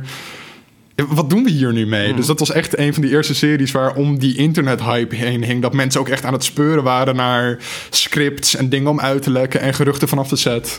Ja, ja. Dat is echt al- zo'n overgangsserie inderdaad daarmee. Ja, interessant. En voordat we... Ja, dat is wel, Ja, ga je gang. Dat is wel grappig, want eh, in, de, eh, in de extra filmpjes, als je de, even de dvd's bezit, dan eh, zitten een aantal interviews met de acteurs. En die vertellen daar ook bij dat ze delen van het script meenamen naar hun eigen huis, die eigenlijk helemaal niet voor hun bedoeld waren. Volgens mij staat anno 20, eh, 2020 echt ondenkbaar dat dat gebeurt. Maar Nee, toen, echt nooit meer. Nee. toen hadden ze gewoon, reading, toen hadden ze gewoon readings met elkaar. En nou, er lagen gewoon een stapel scripts. En dan pakten ze hun deel. En dan pakten ze ook gewoon een ander deel erbij. Kon gewoon, lagen er toch genoeg. Ja, ja, ja. Ja, dat zou natuurlijk... Anno nu zou dat echt niet meer werken. Nee, laten we het eh, bespreken van het einde toch maar voor het einde bewaren. Dat is misschien toch leuker, ook eh, voor de Ah. luisteraar. Ah, Ehm, en eerst even... even geteased. Eh, Even geteased, maar eerst misschien nog een paar andere dingen. Eh, er werd net al iets gezegd over, over mythologie. Ik denk dat je daar vooral mee bedoelde mythologie van de serie zelf. Maar eh, misschien toch ook wel interessant om even te kijken naar wat, ehm, ja, wat, wat, wat voor een cultuur wordt daar eigenlijk op die twaalf koloniën eh, voor ons eh, neergezet. Want er zitten heel veel dingen in die te maken hebben met onze eigen eh, mythologie, met onze eigen geschiedenis. Ehm, wat, wat, wat viel jullie daarin op? Of vonden jullie dat leuk? Vonden jullie het heel raar? Vonden jullie dat eh, iets wat, wat, waarvan je dacht van nou, daar wil ik meer over weten? Tom. Ehm, ik vond het wel grappig hoe dat dan gebruikt wordt op een gegeven moment dus... eh, en dan moet ik toch eventjes naar het einde, sorry. Eh, dat ze dus uiteindelijk soort van de voorlopers zijn van... ehm, eh, menselijk leven op aarde hier. En dat is blijkbaar dingen in de serie soort van universele menselijke waarden zijn die maar terug blijven komen elke keer. En All Along the Watchtower is dus blijkbaar daar een ding van, maar ook eh, Het is onvermijdelijk dat dat nummer geschreven wordt. Altijd gebeurt dat weer. Ehm, en eh, dus ook die, die goden en eh, de conflicten over die goden. Over debatten over een hogere macht en dat soort dingen. Eh, maar ook de invulling aan die goden van verschillende aspecten van menselijke natuur die daardoor eh gehighlight worden. Ehm, wat natuurlijk is wat polytheïsme doet. Ja. Die bedenken God voor alles. Ehm, maar ik vond het op zich eh, eh, wel leuk gedaan in de serie. Ehm, En, en eigenlijk. maar het wordt nooit echt uitgewerkt, toch? Heel erg. Voorbij wat oppervlakkige dingen. Nee, behalve dat je misschien kunt zeggen dat. eh, het, eh, volgens mij zit in de serie heel erg het idee van een soort cyclus. Hè? This has happened before, it will happen again. Nou, dus zij hebben hun goden, waaronder Zeus, Apollo, Athene, Athena, noem ze maar op. Maar zelf zijn eh, de karakters in eh, de serie ook die goden tot op zekere hoogte. Hè? Adama is Zeus. Hè? Apollo is letterlijk Apollo. Ehm, en als je dan inderdaad gaat naar het idee van... ja, eh, uiteindelijk belanden ze op onze aarde. Ehm, hè, want de echte aarde is, is niet onze aarde... maar dat was een andere planeet. Ehm, en daarmee zouden deze karakters op Battlestar Galactica... ook weer eigenlijk onze Zeus en, en het Pantheon kunnen zijn. Ja, ik vind dus ook wat, eh, wat Tom zei. Ik vind het dus jammer dat dat nergens uitgewerkt wordt. Dus we hebben nergens. Tenminste, ik heb nergens een aflevering gezien. Ik moet daar voorzichtig in zijn. Hoe ik dat formuleer. eh waarin eh, die, eh, dat polytheïsme echt uitgelegd wordt. En dat je mensen ziet bidden tot verschillende goden. En dat iemand gaat offeren tot Athene. omdat ze iets gedaan willen krijgen van specifiek die god. Dus wat, het, wat het doet in de serie is er, wordt- er wordt alleen een tegenstelling geplaatst tussen polytheïsme en monotheïsme. Ehm, maar eh, die invulling blijft verder onduidelijk. En ehm, eh, ja, dat zij dan. eh, die, kijk, ik, ik, ik ben wel begonnen aan, eh, aan een mythos van Stephen Fry. En ik heb g- gymnasium gedaan. Ik heb die goden niet allemaal zo heel erg in mijn hoofd. Maar ehm, het klopt gewoon niet. Weet je wel? Het, dus ze komen ook niet. Dus je kan ze niet zo goed op de, op de Griekse goden leggen. Dus het is. Ja. ehm, en dan voor, bij dat, dan heb ik dus gewoon een soort van. Oké, nou, zo is dat in die serie, maar ik ga hier niet heel erg veel over nadenken. Want als je er heel veel over na gaat denken, dat leidt tot, tot niks of zo. Die familierelaties die die Griekse goden hebben, of die dingen, dat komt hier niet terug. En, ehm, nou ja, dus ook voor, uh, toch wel weer vooruitlopend op dat einde. Huh? Oké, er zijn al mensen op aarde. En dan zijn zij toch de goden, die een soort van toch ook de grootouders van de aarde zijn, maar ook weer niet. En uh, dan is Hera. Uh, uh, eigenlijk, hoe noemen ze dat? De, die eerste vrouw, de, de, de, die ja, ja, met de chondrial Eve. Ja, dat. Wat? Hè? Nee! Oh. Ah, en, ja. en, en, dat, en, dat, en dat zal allemaal nog veel erger zijn geweest als ik heel veel had geïnvesteerd in het begrijpen van die goden en wat ze daar nou mee willen doen. Het was voor mij dus eigenlijk wel prettig dat ik daar verder, nou oké, weet je wel, Apollo, Athene, leuk, die verwijzingen, maar je moet er niet te veel mee doen of zo. Hmm. Nou, ik, wat, ik, wat ik een beetje jammer vond, of uh, in die zin, er worden heel vaak, of niet heel vaak, er worden af en toe wel goden aangehaald. Maar dan is het echt een soort van afterthought. Dan zit er bijvoorbeeld uh, te midden van een uh, bepaalde uh, virusuitbraak... zit er een vrouw met een beeldje in haar handen. En nou, die doet dan het beeldje, de hand open... en dan zegt Baltar, oh ja, dat is ten ere van die en die god... de god van de genezing of zo. En dat was het. Voor de rest komt die hele god van die hele genezing niet in alle vierde seizoenen, geen enkel seizoen voor. Het is dat ene zinnetje en daar moet je het dan mee doen. Nou, en zo, uh, als je erin gaat verdiepen, kun je elke god wel op een bepaalde manier ergens in een bijzin terugvinden. Maar het is niet meer dan dat. Mm -hmm. Maar is dat niet raar eigenlijk, als je kijkt naar hè, dat toch een kern thema van deze serie. En, en later in uh, Caprica, hè, de spin-off serie, wordt dat nog veel mm. uh, centraler. Maar goed, dat, dat heeft bijna niemand gezien. Want die serie is na één, af, één, één uh, seizoen nog gecanceld. Maar, anderhalf seizoen. Anderhalf seizoen. ik heb het allemaal gekeken. Ja, ik vond het heel goed overigens. Maar um, ja. die, die, die tegenstelling tussen dat monotheïsme en polytheïsme... is natuurlijk best wel een belangrijk ding in deze serie. Hè? Want ik bedoel... Die Silence, die hebben one true God. En dat is toch wel een dingetje. Is het dan niet raar? Dat... Maar ik denk dat daarmee vooral een soort conflict opgezet wordt tussen um, een wat modernere religieopvatting die dan terugkomt bij die polytheïsten, die dan toch wat meer een lossere relatie hebben met hun geloof, zoals mensen in West-Europa dat nu hebben. Voor zover ze al een relatie met hun geloof hebben. Um, en Misschien die hebben wij ook wel polytheïsme als je ook kijkt naar American Gods van Neil Gaiman. Ja. En aanbidden wij ja. de god technologie en de god media. Ja, sorry. Um, en, dat, en dat die um, monotheïsten, uh, dat zijn, die, die hebben de, de, onder de mensen dan een soort van de wat in het Engels heet dat de seal of a new convert of zo. Ik weet niet hoe je dat goed in het Nederlands zegt. Gewoon de, de vurigheid in een religie van iemand die net bekeren is, mm-hmm. uh, bekeerd is. Um, en dat, dat botst. En ik denk dat het vooral gebruikt wordt om die botsing te krijgen. En ook later met Balter, dat hij dan een monotheïstische cult creëert. Dat is meer een, een soort. soort uh, brandstof voor conflicten, uh, dat ze het zo gebruiken, dan dat het daadwerkelijk echt over iets gaat. Ik maar vond dat je... wel. Oh, sorry, ga je, ga je gang.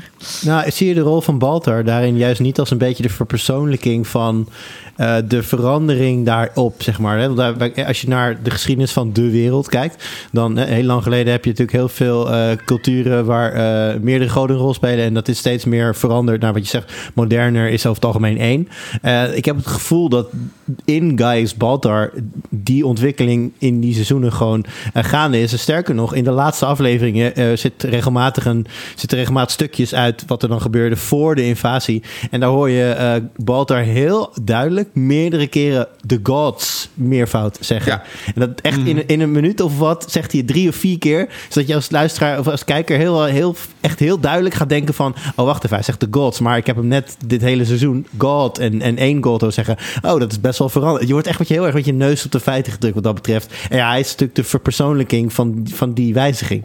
Ik vond dat dus ja. heel leuk gedaan. Dat, uh, op een gegeven moment is zijn haar heel lang. En, mm -hmm. uh, een soort Jezus geworden. En dan ja, gaat hij aan iedereen uitleggen... jij bent perfect zoals je bent. Wat natuurlijk heel sterk zat in dat vroege christendom. Uh, ik, ik vond dat wel grappig. Maar ik vind het dus... Maar, maar vooral dus als, als zo'n soort afterthought... wat Julian ook zei. Of als zo'n bijgedachte... ja, en niet iets om eh, omdat het niet zo sterk uitgewerkt uh, is. Mhm. Wat, Wat vond jij dan, Sydney, als, uh, als gekend atheïst? als gekend atheïst.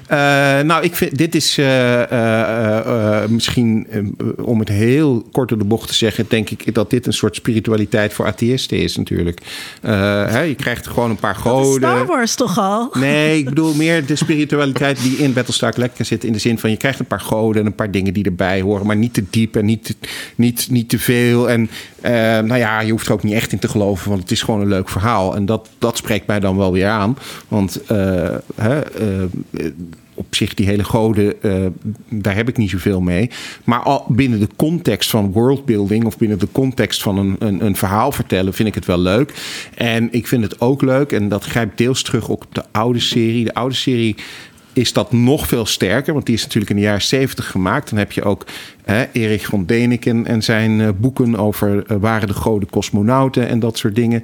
Uh, de bedenker Glenn A. Larson, die ook deze serie mede heeft gemaakt, was een mormoon. Nou ja, die hebben ook allerlei opvattingen over planeten en goden die op planeten wonen. Um, ja, als je dat erbij betrekt, dan is het wel leuk, omdat ook dat hele beetje complottheorieachtige idee van uh, hè, dat de aarde uh, door uh, goden uit het heelal bezocht is en dat we daar de piramides aan over hebben gehouden en zo. Ja, dat zit er natuurlijk ergens wel in. Als je kijkt naar sommige van die planeten, dan zie je daar opeens piramides staan. En dat is wel leuk gedaan. Uh, wat ik al zei, in die oude serie zit dat nog sterker, omdat bijvoorbeeld de helmen die die Viper pilots op hebben, dat zijn een soort uh, Egyptische hoofdtooien bijna. Um, en uh, ja, dat, dat spreekt mij wel aan. Ik vind dat, ik vind dat hele Erik van Deneke uh, hartstikke grappig. Die man was natuurlijk totaal gestoord. En anderzijds heel erg slim, want hij heeft er heel veel geld mee verdiend. maar ik, heb, het, ik heb zijn boek. Ik heb zijn ik boek ook. hoor. Staat hier in de kast. Maar het is een beetje wat Dan Brown nu doet, doet, deed hij toen. Maar het is, het is ja, als je, als je uh, ik, ik ben op wereldreis geweest en dan ga je langs al die tempels en dan zie je dezelfde soort tekeningen uh, in Cambodja bij Angkor ja. Wat als dat je terugziet uh, bij de Azteken. En, en toen ging ik naar de Nazca Lines in Peru. Ja, dan, dan, uh, dan wil je, toen ik terugkwam van die reis, heb ik dat boek gekocht. Ja. Het, is, het is een hele entertaining thought om uh, uh, te hebben. Het zit ook in, uh, weet het ook weer, Stargate. Ook zo'n jaren ja, 90 nou ja. serie trouwens, die dat ook een beetje heeft. Klopt, Stargate maar, lijkt maar, er ook heel veel op. Maar het, maar het is dus het is, het is dus niet erg als het, als het een beetje van niveau Likmefestje nee. uh, blijft. Want het is, het is dat, een entertaining thought. En um, ze maken... Uh, natuurlijk, dus, er zit de spiritualiteit ook in. En geloof je wordt de hele tijd gevraagd. Ook uh, aan het begin aan... Uh, op een gegeven moment vraagt de president dat ook aan Starbucks.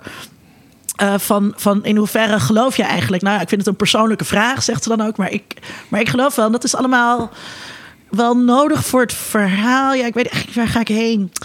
um, ja, ja, Lena, leg ze uit. Nou ja, dus de vraag is ook wel... Uh, het is leuk om te bedenken van wat, wat tijdens zo'n serie is het leuk. Net zoals ik had toen ik, toen ik Messiah keek. Mm -hmm. uh, is het leuk om de, om de gedachten te onderhouden in je hoofd. Wat nou als God echt is? Wat nou als religie ja. waar is? En, en uh, in de eerste twee seizoenen denk ik dat, die serie, dat deze serie je daartoe ook de ruimte laat. Ja. Maar op een gegeven moment niet meer. Want dan gebeurt er, er gebeurt er zoveel gekkigheid. En zoveel onzin. En dan, ja, en dat vond ik dus eigenlijk wel een beetje jammer. Ja, anderzijds is het ook wel, vond ik het juist ook wel weer een leuke plot device. Omdat je er zo in meegenomen wordt. Hè, in dat idee van. Voor mij in deze fictieve wereld zijn de spelregels dat er iets van een hogere macht is. Of dat nou één god of meerdere goden is of wat dan ook. Dat, uh, dat vond ik ook wel weer interessant. Het idee dat uh, de, de president Roslin een soort uh, Pythia is... die, die allerlei profetieën tot zich krijgt... en daardoor het verhaal verder helpt. ik vind maar dat Griekse... is gewoon hartstikke kwalijk. Ja, maar ik vind Griekse mythen ook heel leuk om te lezen. Ook, ook leuk om te lezen dat daarin dan inderdaad een, een profetie is... en dat die dan uitkomt. Ja, natuurlijk komt die uit, want zo hebben we het opgeschreven. Maar ik vind het toch heel leuk dat het, dat het in het verhaal... in de context van het verhaal een soort groot ik, mysterie is dat dat gebeurt. Ik, als ik zit daar toch wel een beetje. Oh. Ik zit daar toch wel een beetje mee met eh, dat verhaal. Ook omdat we dus de hele tijd bezig zijn met eh, vragen over hoe richt je politieke structuren in in zo'n post-apocalyptische samenleving. Dat alles Dat nog een beetje soepeltjes ja. loopt. Ehm, en dat je dan een president hebt die zit van. We gaan gewoon doen wat ik zeg. Ja, want eh, ik heb het in een, een soort drug-induced visie eh, voorbij zien komen. En dat is dan ook echt gewoon tot hele eh, ehm, heftige acties gaat. om dat maar een beetje gedaan te krijgen. Omdat zij gelooft dat Ja. ze eh, gelijk heeft. Dat- Komt bijna een burgeroorlog op een gegeven moment daardoor. Maar ik, ik daardoor... vond dat nogal wat. Dat, Mhm. dat, als politicoloog heb ik daar natuurlijk ook heel erg naar zitten kijken. Sowieso die spanning tussen militair leiderschap en Ja. politiek leiderschap is daarin heel erg interessant. Deze democratie functioneert voor geen sikkepit. Eh, eh, eh, er is een president die niet, eh, die niet te beroerd is om, eh, om de boel eh, te flessen op het moment dat zij denkt dat zij per se moet winnen, want dat is een destiny. Eh, weet je wel, dat is, dat is heel dictatoriaal. En, eh, maar ook dat. Maar dat heeft ze niet gedaan. eh, wat? Uiteindelijk niet, nee. Nee, ze kan, ze kan op een gegeven moment de, de verkiezingen t- tussen haar en Baltar kan ze winnen door inderdaad, eh, ik geloof, een 5000 stemmen te faken. Ja, die is- maar uiteindelijk doen ze Die dat, zijn ze dat gefaked, dus maar niet. dan komen ze erachter. En volgens mij is het dan Nee, nee. Adama die eh, daar een stokje voor steekt, toch? Nou, niet een stokje voor steek, maar eh, zij zegt dan: Oké, ik stop ermee. Maar dat is echt alleen maar omdat ze betrapt is. Maar de fraude, ja, de fraude is al gepleegd. Ah, oké. Er zijn Dat moet ik 5000, kind houden. 5000 biljetten waar de naam Gaius Baltar verkeerd op was gestemd. en, eh, eh, dat, maar, dus ook, maar ook de, de hele representatie van... Er zijn best wel weinig mensen op die schepen. Hè? Dus, Ja, dus nou, er is nog maar een klein 50.000, deel... Dat is, eh, dat, ja, dat, is, dat is een kleine gemeente. Eh, Dat is, eh, dat is Dat is. Ja. Ja, zoiets. En, en, ehm, en die hebben dan twaalf 12 vertegenwoordigers. Dat, dat is het. En een dictatoriale president. en, en, een, en een militaire bestuurder die allerlei beslissingen neemt op basis van zijn persoonlijke relaties. Ja. Dus er worden voortdurend keuzes gemaakt. Die echt alleen maar gaan over, ja, maar dit is mijn schoondochter. Nu gaan we gewoon heel veel tijd en geld en moeite en risico nemen om haar nog te redden. Ja, wat ik er, Ja, wat, wat ik er wel Dat- interessant... dat- hallo, algemeen belang. Nou ja, dat vond, dat vond ik nou juist ook wel weer interessant. Want de serie eh, doet je daar natuurlijk wel enigszins over nadenken. Het is niet zo dat het alleen maar eh, die dingen presenteert als van... oh, dat is perfect en goed en er is geen enkel probleem mee. Oh nee, absoluut. Dus, de- dus je krijgt wel wat handvatten om te denken van... goh, misschien is dit toch niet helemaal de beste manier... om, eh, om eh, het laatste restje menselijk ras eh, eh, voort eh, te brengen in de geschiedenis. Eh, Ja, en- maar dat is, dat is precies wat ik zo goed vind aan deze serie. Waarom Juist, ik deze ja. serie Mhm, zo, zo goed vind. Omdat, eh, ze- omdat, het, omdat je die spanningen vragen te zien krijgt. ja. Ja, het, is net als, het is net als in... eh, eh, eh, wat is het? The Last Jedi. Eh, er komen dit soort kwesties aan de orde. En ehm, eh, het neemt de kijker daarin heel erg serieus. En wat zo tof is, is dat die mensen... eh, die mensen zijn niet per definitie goed en de, en de machines slecht. Nee. Juist niet. Dat is, dat, is, dat is wat die serie tof maakt en leuk om te kijken. Om inderdaad mee te zien dat die mensen zo feilbaar eh, zijn en allerlei fouten maken. Eh, ja.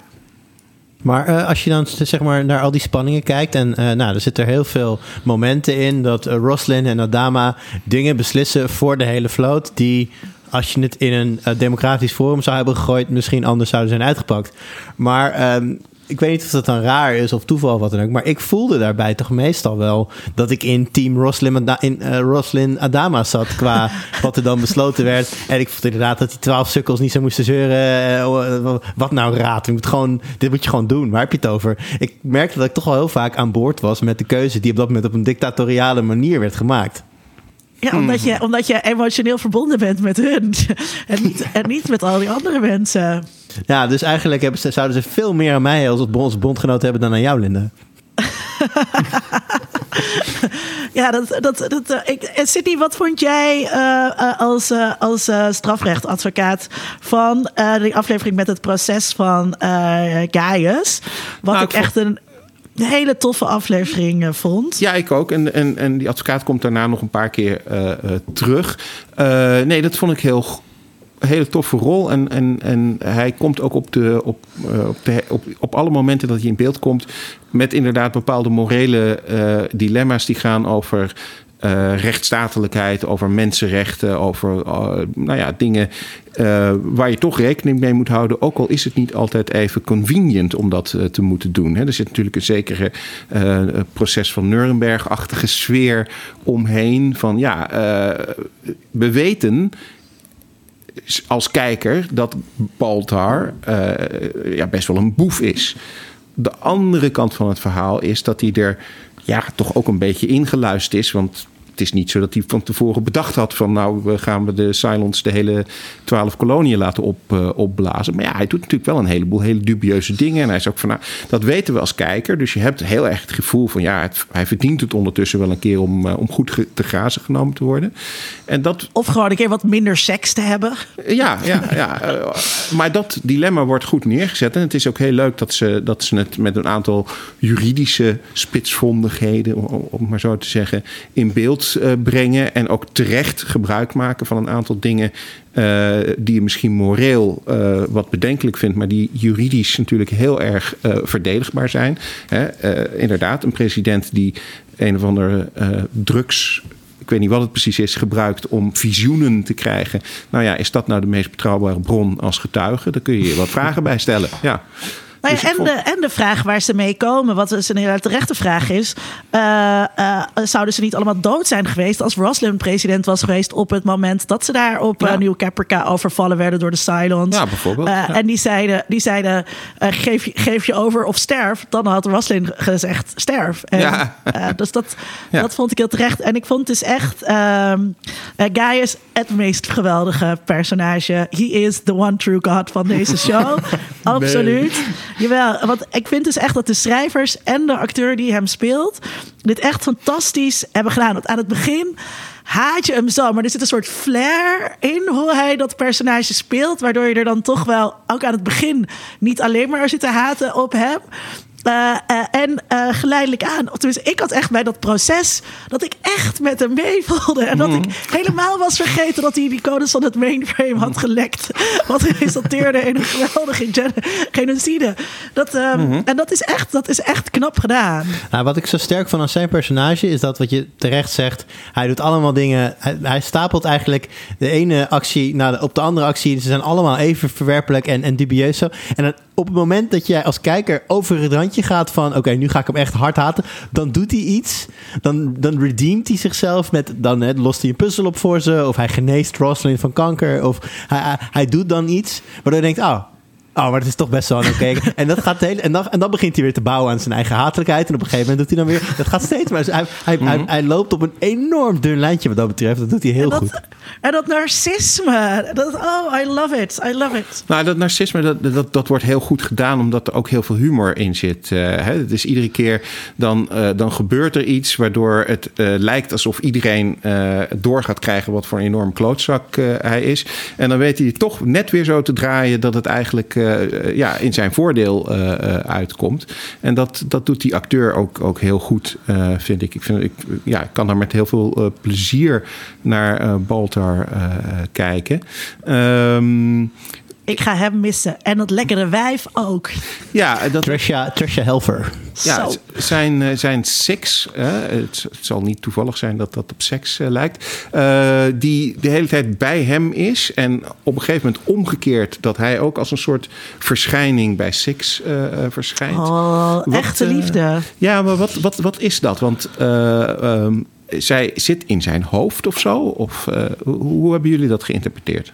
Het zijn engelen. Het zijn engelen, ja. Oh ja? ja? dat is gewoon wat het is. Ik bedoel, het zijn een soort van de hogere macht. Heeft gewoon een dingetje in hun hoofd geploept om ze um, het goede pad langs te leiden. Dat ze uiteindelijk bij aarde uitkomen. Hm. Uh, en zodat zij uiteindelijk een monoloogje kunnen hebben uh, aan het einde van de serie van... oh, uh, relevante issues voor vandaag. Ja of nee? Debatteer mee. um, maar vonden jullie dat... Maar, ik, vond, ik vond het namelijk wel een hele leuke plot device. Want het, het geeft Baltar daarmee nog veel ja. meer diepgang, nog veel meer te doen. Hij kan, kan met iemand spiegelen, met iemand praten. Maar is het meer ja, dan... Wat zij, wat zij hem ook. Zij, eh, hij spreekt regelmatig mensen toe waarbij hij eigenlijk zelf niet weet wat hij precies moet zeggen. En zij souffleert dan eigenlijk eh, de juiste. De ju en altijd ook de juiste tekst. Het, het, werkt Mhm. altijd. Waardoor je op een gegeven moment als kijker ook zoiets denkt van ja, maar is zij dan. Oké, ja, Baltar is niet God, maar is zij, is zij een visioen van Six dan the voice of God? Of is zij inderdaad een engel? Hoe, hoe werkt dat dan? Dat, het, eh, ik, ik, vond het, ik vond het een leuk plot, plot device. Ik vond het af en toe ook wel een beetje. ehm, ja, dat het erin werd gegooid op het moment dat het iets te convenient was, zeg maar. Dat ik dacht van, oh, nu wordt het spannend, nu weet hij niet wat hij moet doen. En dan komt zij, ja, je moet dit doen. Oké, top, gefixt, dankjewel. Yo. Dat, ja, Ik vond het dus heel leuk in die aflevering. Ehm Downloaded heet die geloof ik in het tweede seizoen. Waarin het omgekeerd is. En ze dus op eh, Capri- Caprica zijn. En eh, eh, Six eh, hem dus ziet. En hij haar eh, leert hoe, hoe hij met, ehm, eh, hoe heet ze, kan eh, praten. Is dat dan Boomer of... eh, Nee, dat is niet Boomer. Zij is dan die andere. Maar jullie weten wie ik bedoel. Ja. Ja, ja, ja. Niet. Sharon Valerie, maar Shara Agathon. Ja, ja. dat is, ingewikkeld ook wel. Een acht. Ja, een acht. Ja, ja en, dat, en dat, vond, ik- dat vond ik trouwens ook een hele, een hele toffe aflevering. ehm. Ja. Ja, en heb je natuurlijk nog, doordat hij die connectie heeft met een Cylon, eh, dat hij natuurlijk zichzelf heel sterk gaat afvragen of hij niet zelf ook een Cylon is. Dat, dat, Ja. dat, vond ik ook een, dat vond ik een hele sterke subverhaallijn die eh, ja, op een gegeven moment een beetje ten einde komt. Ik weet niet meer wat het moment, op een gegeven moment wordt voor mij letterlijk expliciet gezegd dat hij geen Cylon is. Hij had voor mij, Ja, dat, is ook, dat, dat scant hij zichzelf ook om te zien of hij een chip in zijn hoofd heeft en zo. eh. Ja, nee, maar uite- uiteindelijk heb je een scène waarin hij dan wakker wordt op een Cylon schip als zijnde Mhm. wakker worden gedownload. Maar dat lijkt dan een visioen of een droom te zijn. Ja. Dat is, ei- Maar eigenlijk is dat ook het moment, want daar word je als kijker in eerste instantie even op het verkeerde been gezet. Maar kort daarna volgt dan ook het moment dat je soort van duidelijk krijgt van oké, nee, hij is toch niet echt een Cylon. En dan blijft het dan ook bij. Wat mij betreft hadden ze dat wel wat langer in het midden mogen laten. Want ik, ja, ik, weet, ik, ik genoot wel van dat continue wel niet, wel niet, het mysterieuze erachter. Ik vind het Ik dus- vond dat sowieso überhaupt in de hele serie wel interessant. eh, hoe ze ermee blijven spe- eh, spelen met die paranoia van wie zijn de Cylon, wie niet. Ben ik een Cylon of niet? Ehm, Dat vond ik heel goed gedaan. Hoe dat de spanning de hele tijd op die schepen ook opdrijft. eh, vooral het eerste seizoen. Ik vond hem Ehm. op, op het moment dat, die, eh, dat dat andere schip erbij komt... en dat die eh, admiraal, die vrouw die dan admiraal is... komt- Pegasus. Admiral Kane, Ja. precies, de Pegasus. Eh, dat vond ik sowieso eh, tof. Eh, die strijd zeg maar, tussen haar en, en Adama. Maar ook dus die, de, de andere omgang die zij hebben met de ander. Ja. En, en dan gaat het ook over wat, is, wat maakt de mens en zo. En eh, dit was, dat voelde echt als, trouwens echt als Star Trek afleveringen. Klopt, dat komt omdat, het, Ehm. eh, omdat zij gespeeld wordt door Anson Rowe. Ja, dat, dat ook nog. Dat je denkt, hey, die ken ik, die ken ik. Maar ook... ehm, En overigens eh, ook, ook eh, Nana Visitor zit ook in de serie. Dus eh eh eh, Kira Nerys uit Deep Space Nine. Maar goed, dat is echt Ja, in- wie- wie voor de zij insider. Zij speelt op een gegeven moment... eh, ligt Roslyn in de ziekenboeg... samen met een andere vrouw die ook doodziek is. En die andere vrouw die ook doodziek is... dat is Nana Visitor. Oh, nou, Maar ja, goed. dat ze dood is gegaan. Ehm, maar dus eh, die eh, eh, omgang met, eh, eh, met die gevangen silence, dat die zo anders is. En dan op een gegeven moment um, ja, mag je een mens doden om de verkrachting van een Cylon te voorkomen. Dat vond ik nogal wat, want ik heb Mhm. Ja. best wel eh, een aantal keer eh, in, eh, in, de, in de panels gezeten over seksrobots. Je- die mag je En, verkrachten, ehm, vind jij dus. en die mag, ja, precies. Net, je mag je vibrator ook afrachen. En je mag je tosti-ijzer gewoon slopen. eh, en, en al die dingen. En, ehm, eh, maar hier is dat toch, is dat toch eh, anders. En dat vond ik eh, ook leuk neergezet. Als je van de Pegasus en Kane houdt, dan is het zeker een aanrader om nog een keer naar Razor te kijken. Dat is eh, ook een soort spin-off miniserietje.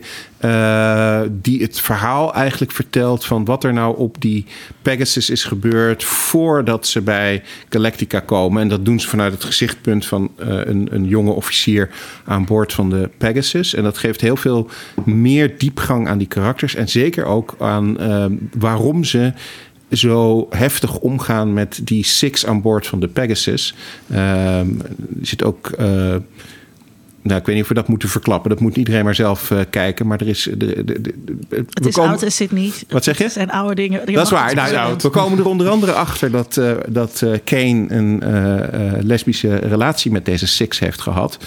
voordat ze wisten dat het een Cylon was. En dat dat mede verklaart waarom zij zo ongelooflijk heftig reageert op deze Cylon. Ja. Ah, Wanneer... de toorn van een lesbische vrouw. Nou ja, wanneer, nou, Wanneer is, is Razer uitgekomen? Want uh, ik, had hem, uh, ik kwam hem tegen tussen drie, seizoen 3 en seizoen 4 in. Maar ik weet niet, is dat ook waar die uh, chronologisch...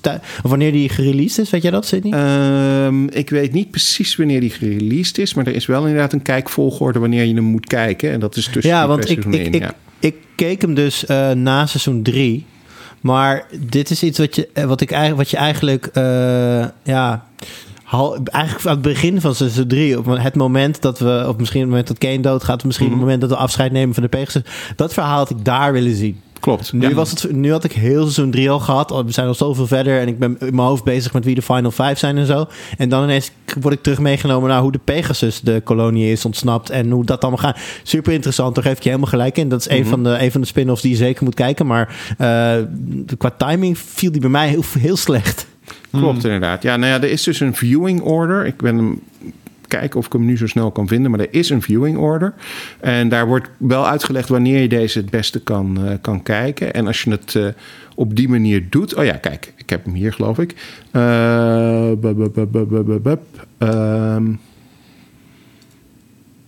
nou, ik zie het niet zo direct zo snel terug. Maar volgens mij moet je hem inderdaad uh, na, na het, uh, ergens uh, na, na de zoveelste aflevering van seizoen 3 kijken. Ja. Als je dat doet, dan heb je inderdaad veel meer diepgang.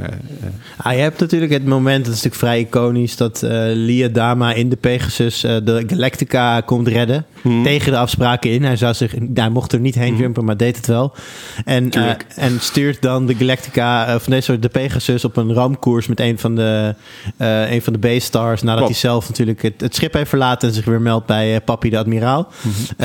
um, maar daar, dat moment, ik denk dat dat een goed moment is om even een drie pauze te zetten en dan even Razer te gaan kijken. Ja. Ik bedenk me nu dus dat uh, dat hele gekut met persoonlijke relaties en, uh, en uh, persoonlijke wraak en voortrekken van je kinderen en zo, dat is natuurlijk wel echt wat de Griekse goden de hele tijd doen. Klopt. Ja, heel toepasselijk. Ja, ja en hier ook. Wordt, Adama wordt, Liadama wordt er letterlijk president door als die, die hele sterke advocaat duwt op een gegeven moment zegt van, goh, wie zouden we kunnen bedenken die het volk wel leuk vinden en die uh, Admiral Adama zou accepteren als president. Dus, en die de kijker als personage al kent. Ja, moet je even voorstellen dat je in, in, in, in, een, in een situatie leeft waarin dus de, de opperbaas van de militairen zoveel invloed heeft dat als jij de verkeerde persoon kiest als president, dan wordt het hem niet. Nee. Sowieso zit je, daar, zit je daar op zo'n kut vrachtschip en je wordt nooit gerepresenteerd. Het gaat nooit over jou. Oh. Over, uh... Behalve die ene keer met die staking. um, over de muziek van de serie moeten we het misschien ook nog even hebben. Ja, uh, zeker wel. Ja. De, we hebben het al heel even gehad over All Along the Watchtower. Hè. Uh, um, Bob Dylan heeft dat ooit uh, geschreven in een uh, gekke bui. En vervolgens is dat door Jimi Hendrix gecoverd en een enorme hit geworden. En het blijkt de code te zijn voor de, het vinden van de aarde. Toevallig. Heel toevallig, ja. Uh, ik vond het een rare keuze voor de serie, het nummer. Mm -hmm. Ik vond hem, uh, toen ik hem voor het eerst keek, toen ik wat 15, 16 was, heel vet. Want toen mm -hmm. hield ik van zware rockmuziek. En had ik zoiets van, oh, er zit, fijn, er zit een zware rockversie van All Along the Watchtower in de serie. Maar nu met het herkijken viel die best wel uit de toon, ook met de andere muziek. Mm. Omdat je gewoon, er zit eigenlijk geen zware gitaren in de rest van de soundtrack ooit. Mhm. Behalve vanaf dat punt. En eh, dat er dan elke keer terugverwezen wordt naar dat nummer, komen ze er weer in.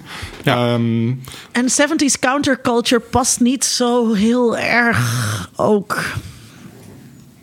Bij deze serie? Nee, nee, niet per se. Maar de, de muziek van Bear McCreary, dat is uh, de componist. Hè, die, die heeft, Geniaal. Um, ja. ja, het is een vrij unieke soundtrack, zeker ja, voor die tijd. Nu, nu is het misschien iets minder uniek, omdat je na deze soundtrack van deze serie meer van dit soort soundtracks voor dit soort series hebt gekregen. Maar voor die tijd zeker heel experimenteel en, en uniek. Wat, uh, wat hebben jullie daarover te vertellen? Ik, eh, er zijn bepaalde eh, scènes met me bijgebleven, met name vanwege de muziek. Ja. Eh, sowieso is Battlestar een handje van de laatste drie minuten van een episode te voorzien van heftige epische muziek. Inderdaad, eh, eh, Bears beste werk zou ik willen zeggen. Ik weet niet meer of het Bastille Day was of een van de andere daar in de buurt. Maar dan zijn er volgens mij net heel veel doden gevallen. En dan heb je zo'n soort van die uh, So Say We All uitvaartscène. En daar zit daar ook echt een fantastische soundtrack. Heel iconisch volgens mij met doedelzakken en dingen Ja. allemaal. Dat, ik weet nog dat ik er toen van onder de indruk was. En nu bij het herkijken was ik er niet minder van onder de indruk. Het was nog steeds net zo vet en mooi. En ik, had tegenwoordig, ik heb tegenwoordig een betere geluidsinstallatie. Dus dat maakt het extra leuk. Ja, ja, kijk. Oké. Daar had ik, vond het leuk eh, eh, dat net als in de serie er wat terugverwijzingen zijn naar Griekse mythologie en zo. En blijkbaar ook in, dus in de oude serie ehm, naar bredere mythologieën. Dat je dus ook die muzikale elementen uit heel veel tradities eh, terug hoort komen. Ehm, dus gewoon Armeense instrumenten worden gebruikt. Heel veel Grieks geïnspireerde muziek. Maar dus ook doedelzakken en heftige gitaren. Ehm, Ja. Ik vind dat heel erg ook bij de rest van de serie met hun invloeden eh, eh, passen. Weet je wat ik, weet je wat ik af en toe... Een, een klein kritiekpuntje. eh, eh, de, de trommels. Ik bedoel, als je zegt Ja. Battlestar Galactica en muziek... dan heb je het toch heel snel over de trommels. Ja. Ehm, vet eh, worden vaak gebruikt om een bepaald actiemoment eh, neer te zetten... of op te zetten, om zo even te zeggen. Eh, ik, het begon een beetje als een trucje te voelen voor mij. Maar dat is misschien ook wel wat Linda al eerder zei. Iets wat je minder gaat opmerken als je gewoon week tot week een, een episode kijkt. Maar als je het nu binget, dan heb je gewoon elke week diezelfde trommels. Elke week op dezelfde punten heb je die trommels. Het is gewoon, ik, had als ik zat al bijna te wachten van action stages. Ah, ah, ah. ja, ja, ja, ja, ja. Linda, dat- wat vond jij van de muziek? Want je zei er Ja, volgens mij op. Twitter al iets over, toch? Ja, volgens mij zei je van, ik vind het... Waarom heeft niemand me verteld dat dit goed was? En eh, wat een goede muziek of zoiets had je getweet. Oh, nou, Ja. dat, dat, ja. ja. Nou, dat En is... jij, Sydney? Ja, nee, ja, ja, dat, eh, dat is duidelijk. Ik vind het hele goede muziek. Ik vond het toen al hele goede muziek. Ik heb die al eh, jaren eh, in mijn eh, iTunes eh, eh, staan en luister het regelmatig. Eh, en het was ook toen al een hit, hè, want er zijn eh, ook concerten van gegeven en zo. Dat je dan live naar de muziek van Battlestar Galactica kon, kon gaan luisteren. Eh, En Geda zong dan All Along the Watchtower. ja, precies. Ja, ja, ja. Geta, die overigens in de serie ook gay is. eh, wat ook nog wel weer eh, grappig is. En zijn, zijn vriendje wordt uiteindelijk de nieuwe vlootadmiraal. Ehm Oh ja. Maar goed, ehm, nee, ik vond het hele Ik goed. heb trouwens nog wel een, een Ja. kleine side note over Bear McCreary. Ja, ga je gang. Die heeft ook eh, in delen, of eh, de hele, nou in ieder geval grote delen van de eh, soundtrack van de laatste God of War game gedaan. En eh, bij de aankondiging van die game, eh, in, eh, tijdens de E3 van zal 2016 of 2017 zijn geweest, haalde PlayStation hem dus ook op het podium om eh, live daar bij die persconferentie eh, op te treden met een heel orkest. Ah, nice. En toen dat, werd, toen dat werd aangekondigd, en ik zat daar met een reeks andere Nederlandse en buitenlandse journalisten, toen werd Bear McCreary, en ik, was, ik, stond, ik zat daar echt, misschien nog ergens één andere nerd, zo, Bear McCreary, wat? En die zat met aan kijken, wie is, wie is Bear? Ik zei, Dude, Battlestar. Ja, ja, ja. Nice. Nee, Het was heel, het was een he- heel mooi om mee Ja. te maken. My, my, my geeky moment. Ja, ik vind eh, eh, nou ja, heel veel van die muziek mooi, maar vooral het thema van eh The Shape of Things to Come. Dat is een beetje dat. nou ja, een beetje klassieke-achtige muziek. En dat zit ook heel erg in de laatste aflevering. Hè? De, laatste aflevering waarbij ze uiteindelijk op aarde komen. En er, ja, al die verhaallijntjes toch een beetje afgesloten raken. Ehm, want misschien is het een goed moment in deze aflevering om het dan maar eens over dat einde te gaan hebben. Een einde Nu dat, al? eh, Lekker bruggetje. ja, Het is ja. in ieder geval klaar wel eh, bij, aan het einde. Hé, hey, Poes! ja, Ja, in het beeld. Ehm, Eh, het is een, eh, een einde wat, eh, wat eh, duidelijk mensen verdeeld houdt. Dat zagen we al op onze Twitter-feed toen wij aankondigden dat we het gingen hebben over Battlestar Galactica. iedereen, er- iedereen ging het lekker voor me spoilen. Dus ik zei, hé, hey, wat leuk. Ah. Ik ben daar aan het kijken. Ik ben er echt van aan het genieten. En meteen allemaal mensen. Nou, het einde. Oh, Ja. Fuck jullie kut mensen. Ja, wat voor kutlul ben je dan? Ja, nou, maar ik ben dus wel benieuwd. Want, want inderdaad, jij zei dat op Twitter. En toen kwamen er dus een aantal reacties van mensen die zeiden... nou, het einde is kut. Ehm, wa- wat vond je van het einde? Kut. Nee. Ja, Ja? nee, ja, ik vond, nou, ik vond niet zozeer. Ik vond eh, de weg naar het einde eh, eh, raar.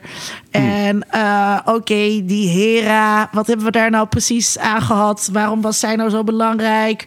En dan in één keer worden die coördinaten ingetoetst. En dan zijn we bij een nieuwe planeet. Maar eerder was er ook een leuke planeet om op te gaan wonen. Maar toen was het heel gevaarlijk om daar op te gaan wonen. En nu maken we gewoon een deal met de Cylons. Dat ze dan weg zijn en niet meer terugkomen. En dan oké, dan gaan we gewoon onze ruimteschepen ook gewoon meteen vernietigen. Vliegen ze maar in de zon.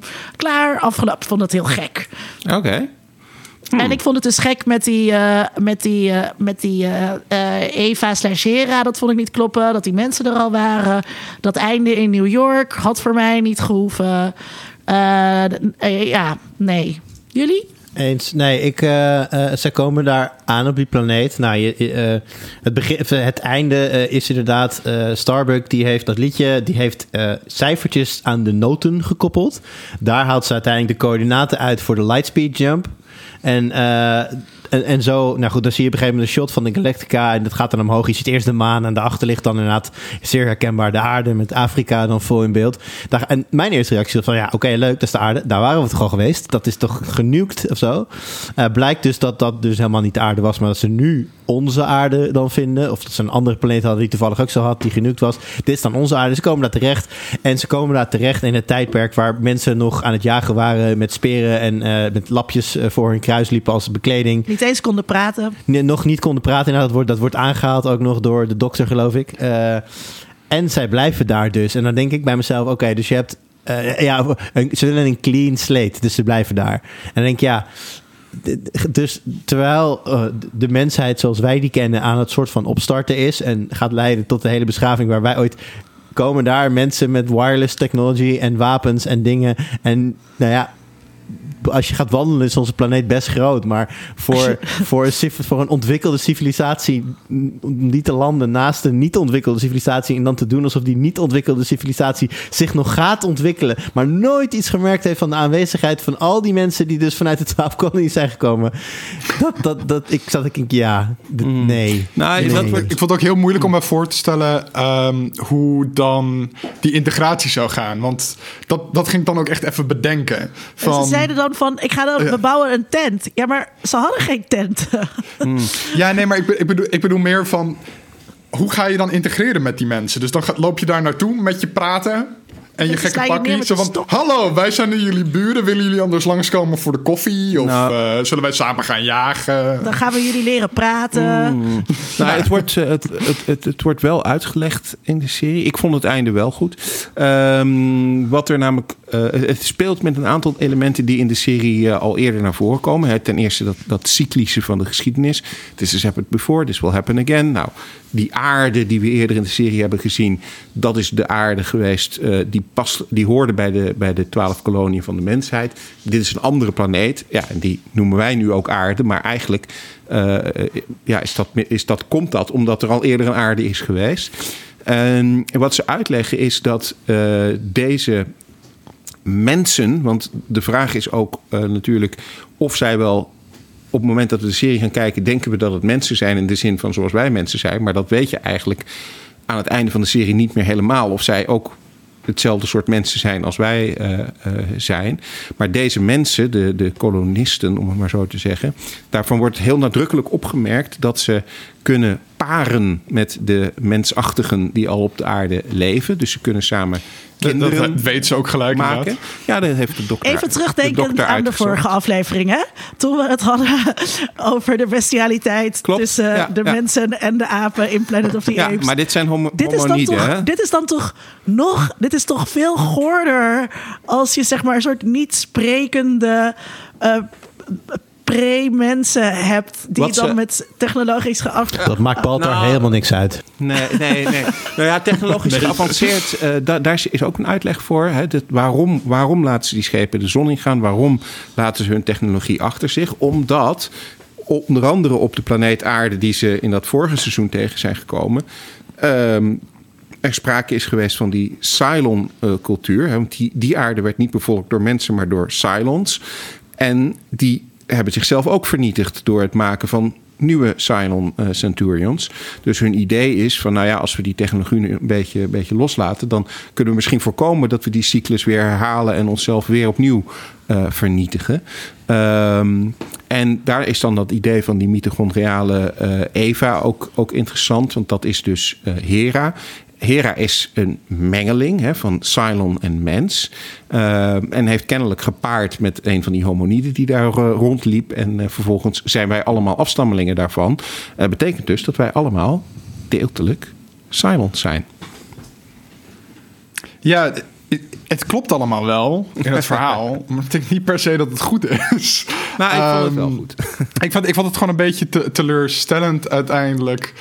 Ehm, dat het dan even zo. Dat dat gedeelte dan zo even snel afgeraffeld wordt. Ik vind het Mm. einde verder goed hoor. Qua hoe het met karakters allemaal afgesloten wordt.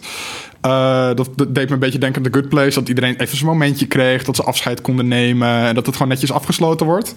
Maar hoe het hele verhaal dan afgesloten wordt. Met ze zijn door een hogere macht naar aarde geleid. En tada, dat zijn nu moderne mensen. Vond ik gewoon. Ja, ik weet niet wat ik anders had verwacht. Maar ik had in ieder geval niet dit Ik, verwacht. ik vind het hele... Oh, ga je gang, Jurian? Nou ja, eh, ik wil hierop doorgaan? Want ik wil ook even zeg maar het, het afscheid van Starbuck.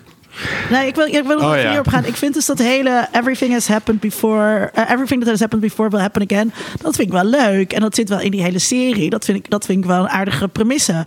En ik vind het ook wel leuk eh, dat het dan een verhaal uit het verleden blijkt te zijn. Daar heb ik niet zoveel, daar heb ik niet, daar zit mijn moeite eh, niet in. Ik vind de manier waarop ze dat uitgewerkt hebben en hoe we uiteindelijk bij die aarde aankomen. Dat vind ik een beetje eh, een konijn uit de hoed. Ja. Eh, en, en, daar, en daar zitten te- voor mij te veel losse draadjes en het roept te veel rare vragen op. Dat dat gewoon beter gekund. Hadden gewoon nog een keertje naar dat script moeten kijken. en, en, een, en een nieuwe versie moeten maken. Ja. Ja, Nou. Ja, voordat Jurjan dat doet. Want het- voor mij past dat wel juist dus heel erg in dat idee dat je eenmaal accepteert dat er in die serie nu eenmaal iets bovennatuurlijks is. En ja, dan vind ik het dus niet zo raar dat die muziek kennelijk de coördinaten van de aarde eh, bevat. En dat Maar, zij maar dat dan, een soort. het maakt geen sens om dat hele verhaal. waar- waarom was die Hera dan zo belangrijk? Nee, ja, nou ja, dat. Belangrijk in de zin dat zij onze voormoeder is. Maar we moesten er helemaal van het schip gaan redden. Ehm, ja, in die zin. Anders konden we niet. Want dat is ook hè, op, in, die, in, die, in die afleveringen eh, voor het einde, voor de finale. Ze zijn zo doelloos, weet je wel. Ja, de, de, de, de aarde was, is een kutplaneet. En daar zijn ze de hele tijd naar op zoek geweest. Hun, hun hele eh, missie valt weg, hun doel valt weg. Dan is er ook helemaal niks meer. En dan wordt het nieuwe doel dus die Hera redden. Ja, dat... dat, dat nou, nou, Oké, nee, Nou, Julian, je vanuit- wilde wat zeggen.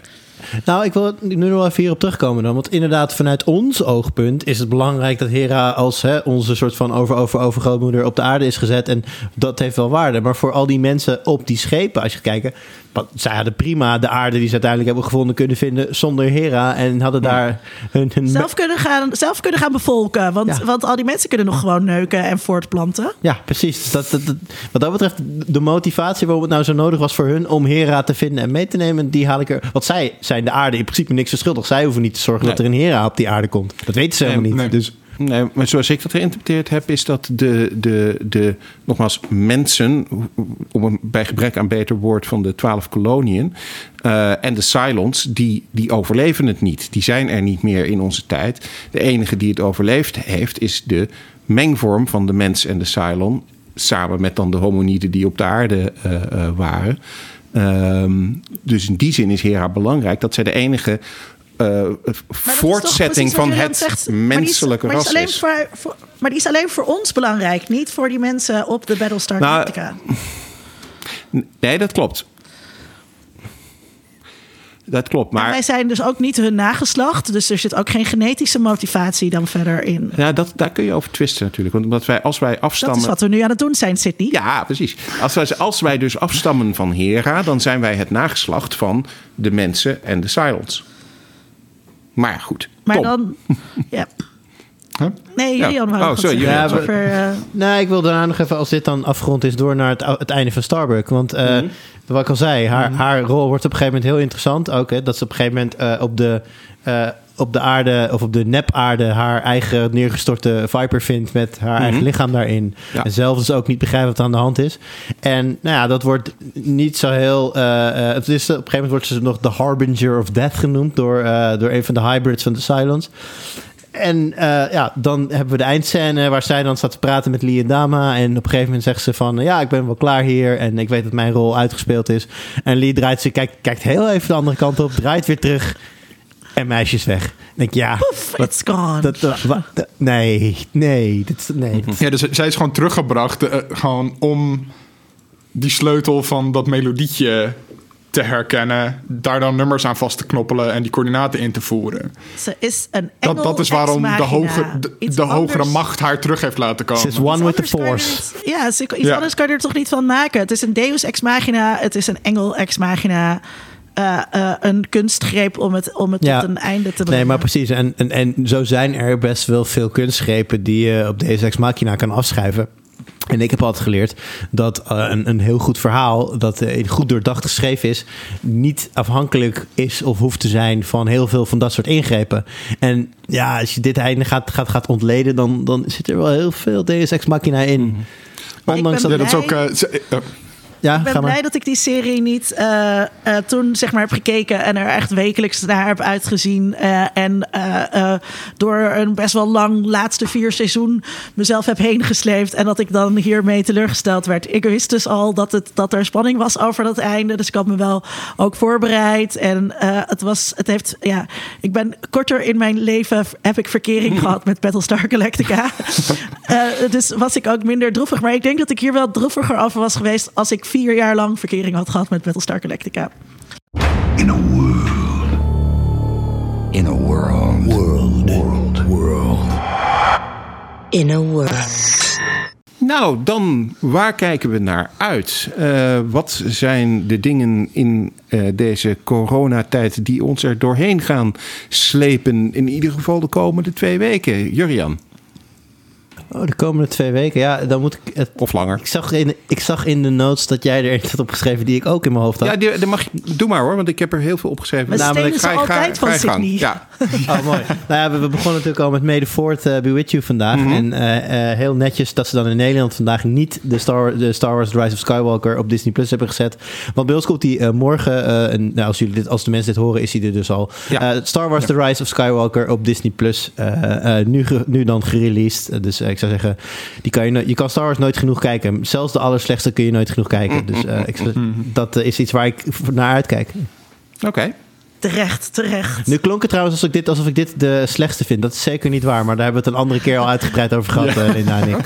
Je moet, je moet, je moet, ja, de luisteraar moet zeker de aflevering van Met Nerds op tafel eh, luisteren... waarin we het over eh, Rise of Skywalker hebben. Nou. Of, eh, ja, Rise of Skywalker.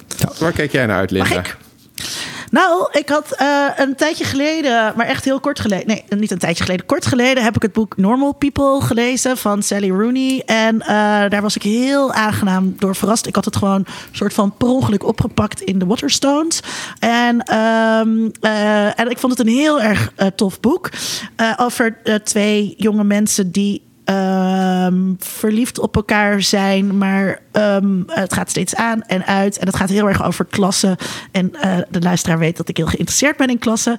En nu blijkt dat boek tot serie te zijn gemaakt. En eh, die serie die loopt al eh, op Hulu en heet dus Normal People. En mensen op mijn Twitter, want ik was meteen, oh, oh, dat vind ik eng, want ik vond het boek zo goed. En andere mensen zeiden, ja, dat vond ik ook, maar de serie is ook goed. Dus ik verheug me daar erg op. Normal people? Normal People op Hulu of op Pirate Proxy. Oké, en nog meer dingen of alleen, eh, alleen eh, normale mensen? Alleen normale mensen. Oh, normaliteit. Wat verheug ik me daar toch op. Ah, Nou, Tom. Ehm, ik kijk zelf uit naar verder kijken wat er allemaal op Apple Arcade staat. Eh, ik ga als volgende denk ik Oceanhorn 2 spelen. Dat ziet er visueel in ieder geval heel erg hetzelfde uit als eh The Legend of Zelda games. Ehm, en ik heb geen Switch, eh, wat ik heel erg jammer vind, maar daar heb ik nu ook even geen geld voor. Dus moet ik het maar hiermee doen eh, in plaats van met The Legend of Zelda en Animal Crossing. Wat ik heel graag wil spelen. Ik vond de Ocean, Oceanhorn 2 heel erg leuk, dus wat dat betreft. Oké, nou dan ben ik helemaal benieuwd. Ehm, nou, ik kijk uit naar een aantal dingen. Eh, het eerste... Oh, wacht, ik heb, Oh, oh, ik ja, heb straks nog iets. Nee, je moet eerst zeggen waar jij naar... En dan heb ik, daarna heb ik nog iets. Nee, eerst Daarna heb jij zeggen. nog iets. Oké. Nou, eh, een van de dingen waar ik naar uitkijk is een eh, heel erg geeky ding dat op dit moment gemaakt wordt door iemand die op Instagram The Dutch Cylon heet. Die kun je daar volgen, at The Dutch Cylon. Hij heeft eh, onder andere een eh Cylon eh, kostuum uit de originele Battlestar Galactica serie gemaakt. En hij heeft een Colonial Viper kostuum gemaakt met een, met een blaster en zo. En hij is nu bezig met een, eh, een, een, levensgroot eh, eh, Terminator skelet. Dat hij ook met chroom bekleed en zo. Ik weet niet hoe dat allemaal moet en hoe dat allemaal gaat. Maar hij legt het allemaal uit op Instagram. En ik had hem al een tijdje geleden gevraagd om voor mij ook een Colonial Viper helm te gaan werken. En eh, dat gaat hij nu doen, of daar is hij nu mee bezig. Dus ik hoop die ergens in de loop eh, Oeh, van vet. de komende tijd te gaan ontvangen. En dan heb ik eindelijk eh, een, een, een Colonial Viper helm... waar ik al vanaf dat ik zeven jaar oud was op zit te wachten. Dus gaaf. Leuk, ja, daar ben ik wel heel erg benieuwd naar. Ehm, en ook nog tegen een enigszins normale prijs. Want er is ooit wel eens een reproductie van die helm gemaakt. Maar dat ga, als je die op eBay gaat opzoeken... dan kom je bij 5.000 of 7.000 euro uit. Nou, dat, eh, En dat wat is vind jij een normale prijs? eh, onder de 500 euro. Laat ik het dan zo zeggen. Oh. Ja, het is nog steeds niet goedkoop. Maar goed, de man werkt er ook eh, eh, met zijn, eh, met zijn handen aan. Dus dat, eh dat heb handgemaakt kunstwerk. Precies, daar heb ik Ja, wel, precies, daar heb ik wel iets, iets voor over. Ehm, en verder kijk ik wel uit naar een serie die gaat komen in eh, de loop van dit jaar. En die heet Resident Alien. En de hoofdrol wordt gespeeld door Alan Tudyk. Die ken je van onder andere eh, eh, als K2SO in eh, Star Wars. Ehm, en hij speelt een buitenaards wezen dat op de aarde terechtkomt. En in een dorpje ergens in Amerika belandt. En zich daar dan vermomt als dokter. En de lokale bevolking gaat helpen met hun medische problemen. Maar ondertussen is hij een buitenaards wezen. En probeert de Amerikaanse overheid hem ook op te sporen.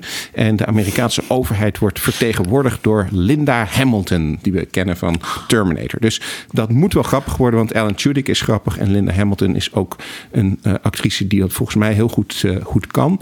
Dus eh, daar ben ik ook benieuwd naar. Naar wanneer dat online gaat komen. En dan goed. de veelbeloofde uitsmijter van Linda. Nou, ja, ik en ik denk jullie ook allemaal kijken ook uit naar een ander geeky ding dat op dit moment gemaakt wordt. Namelijk de Geeky Dingen website is Oh ja. bijna klaar. Ja, dus nog even geduld voor de luisteraar. Maar eh, eh, hij eh, gaat voor, voordat de horeca open is, zeker, kan je zeker de website bezoeken. Dus binnen Stay nu en tuned. een half jaar. Nee, 2021 passen. Nee, nee, nee, nee, nee. Dit, gaat, dit, gaat, dit gaat zeer spoedig eh, gebeuren. Nou ja, die- je hoorde het. Dus als je meer wil weten over geeky dingen, bezoek ons eh, website. Wat is de website adres? Nog niet, nog niet.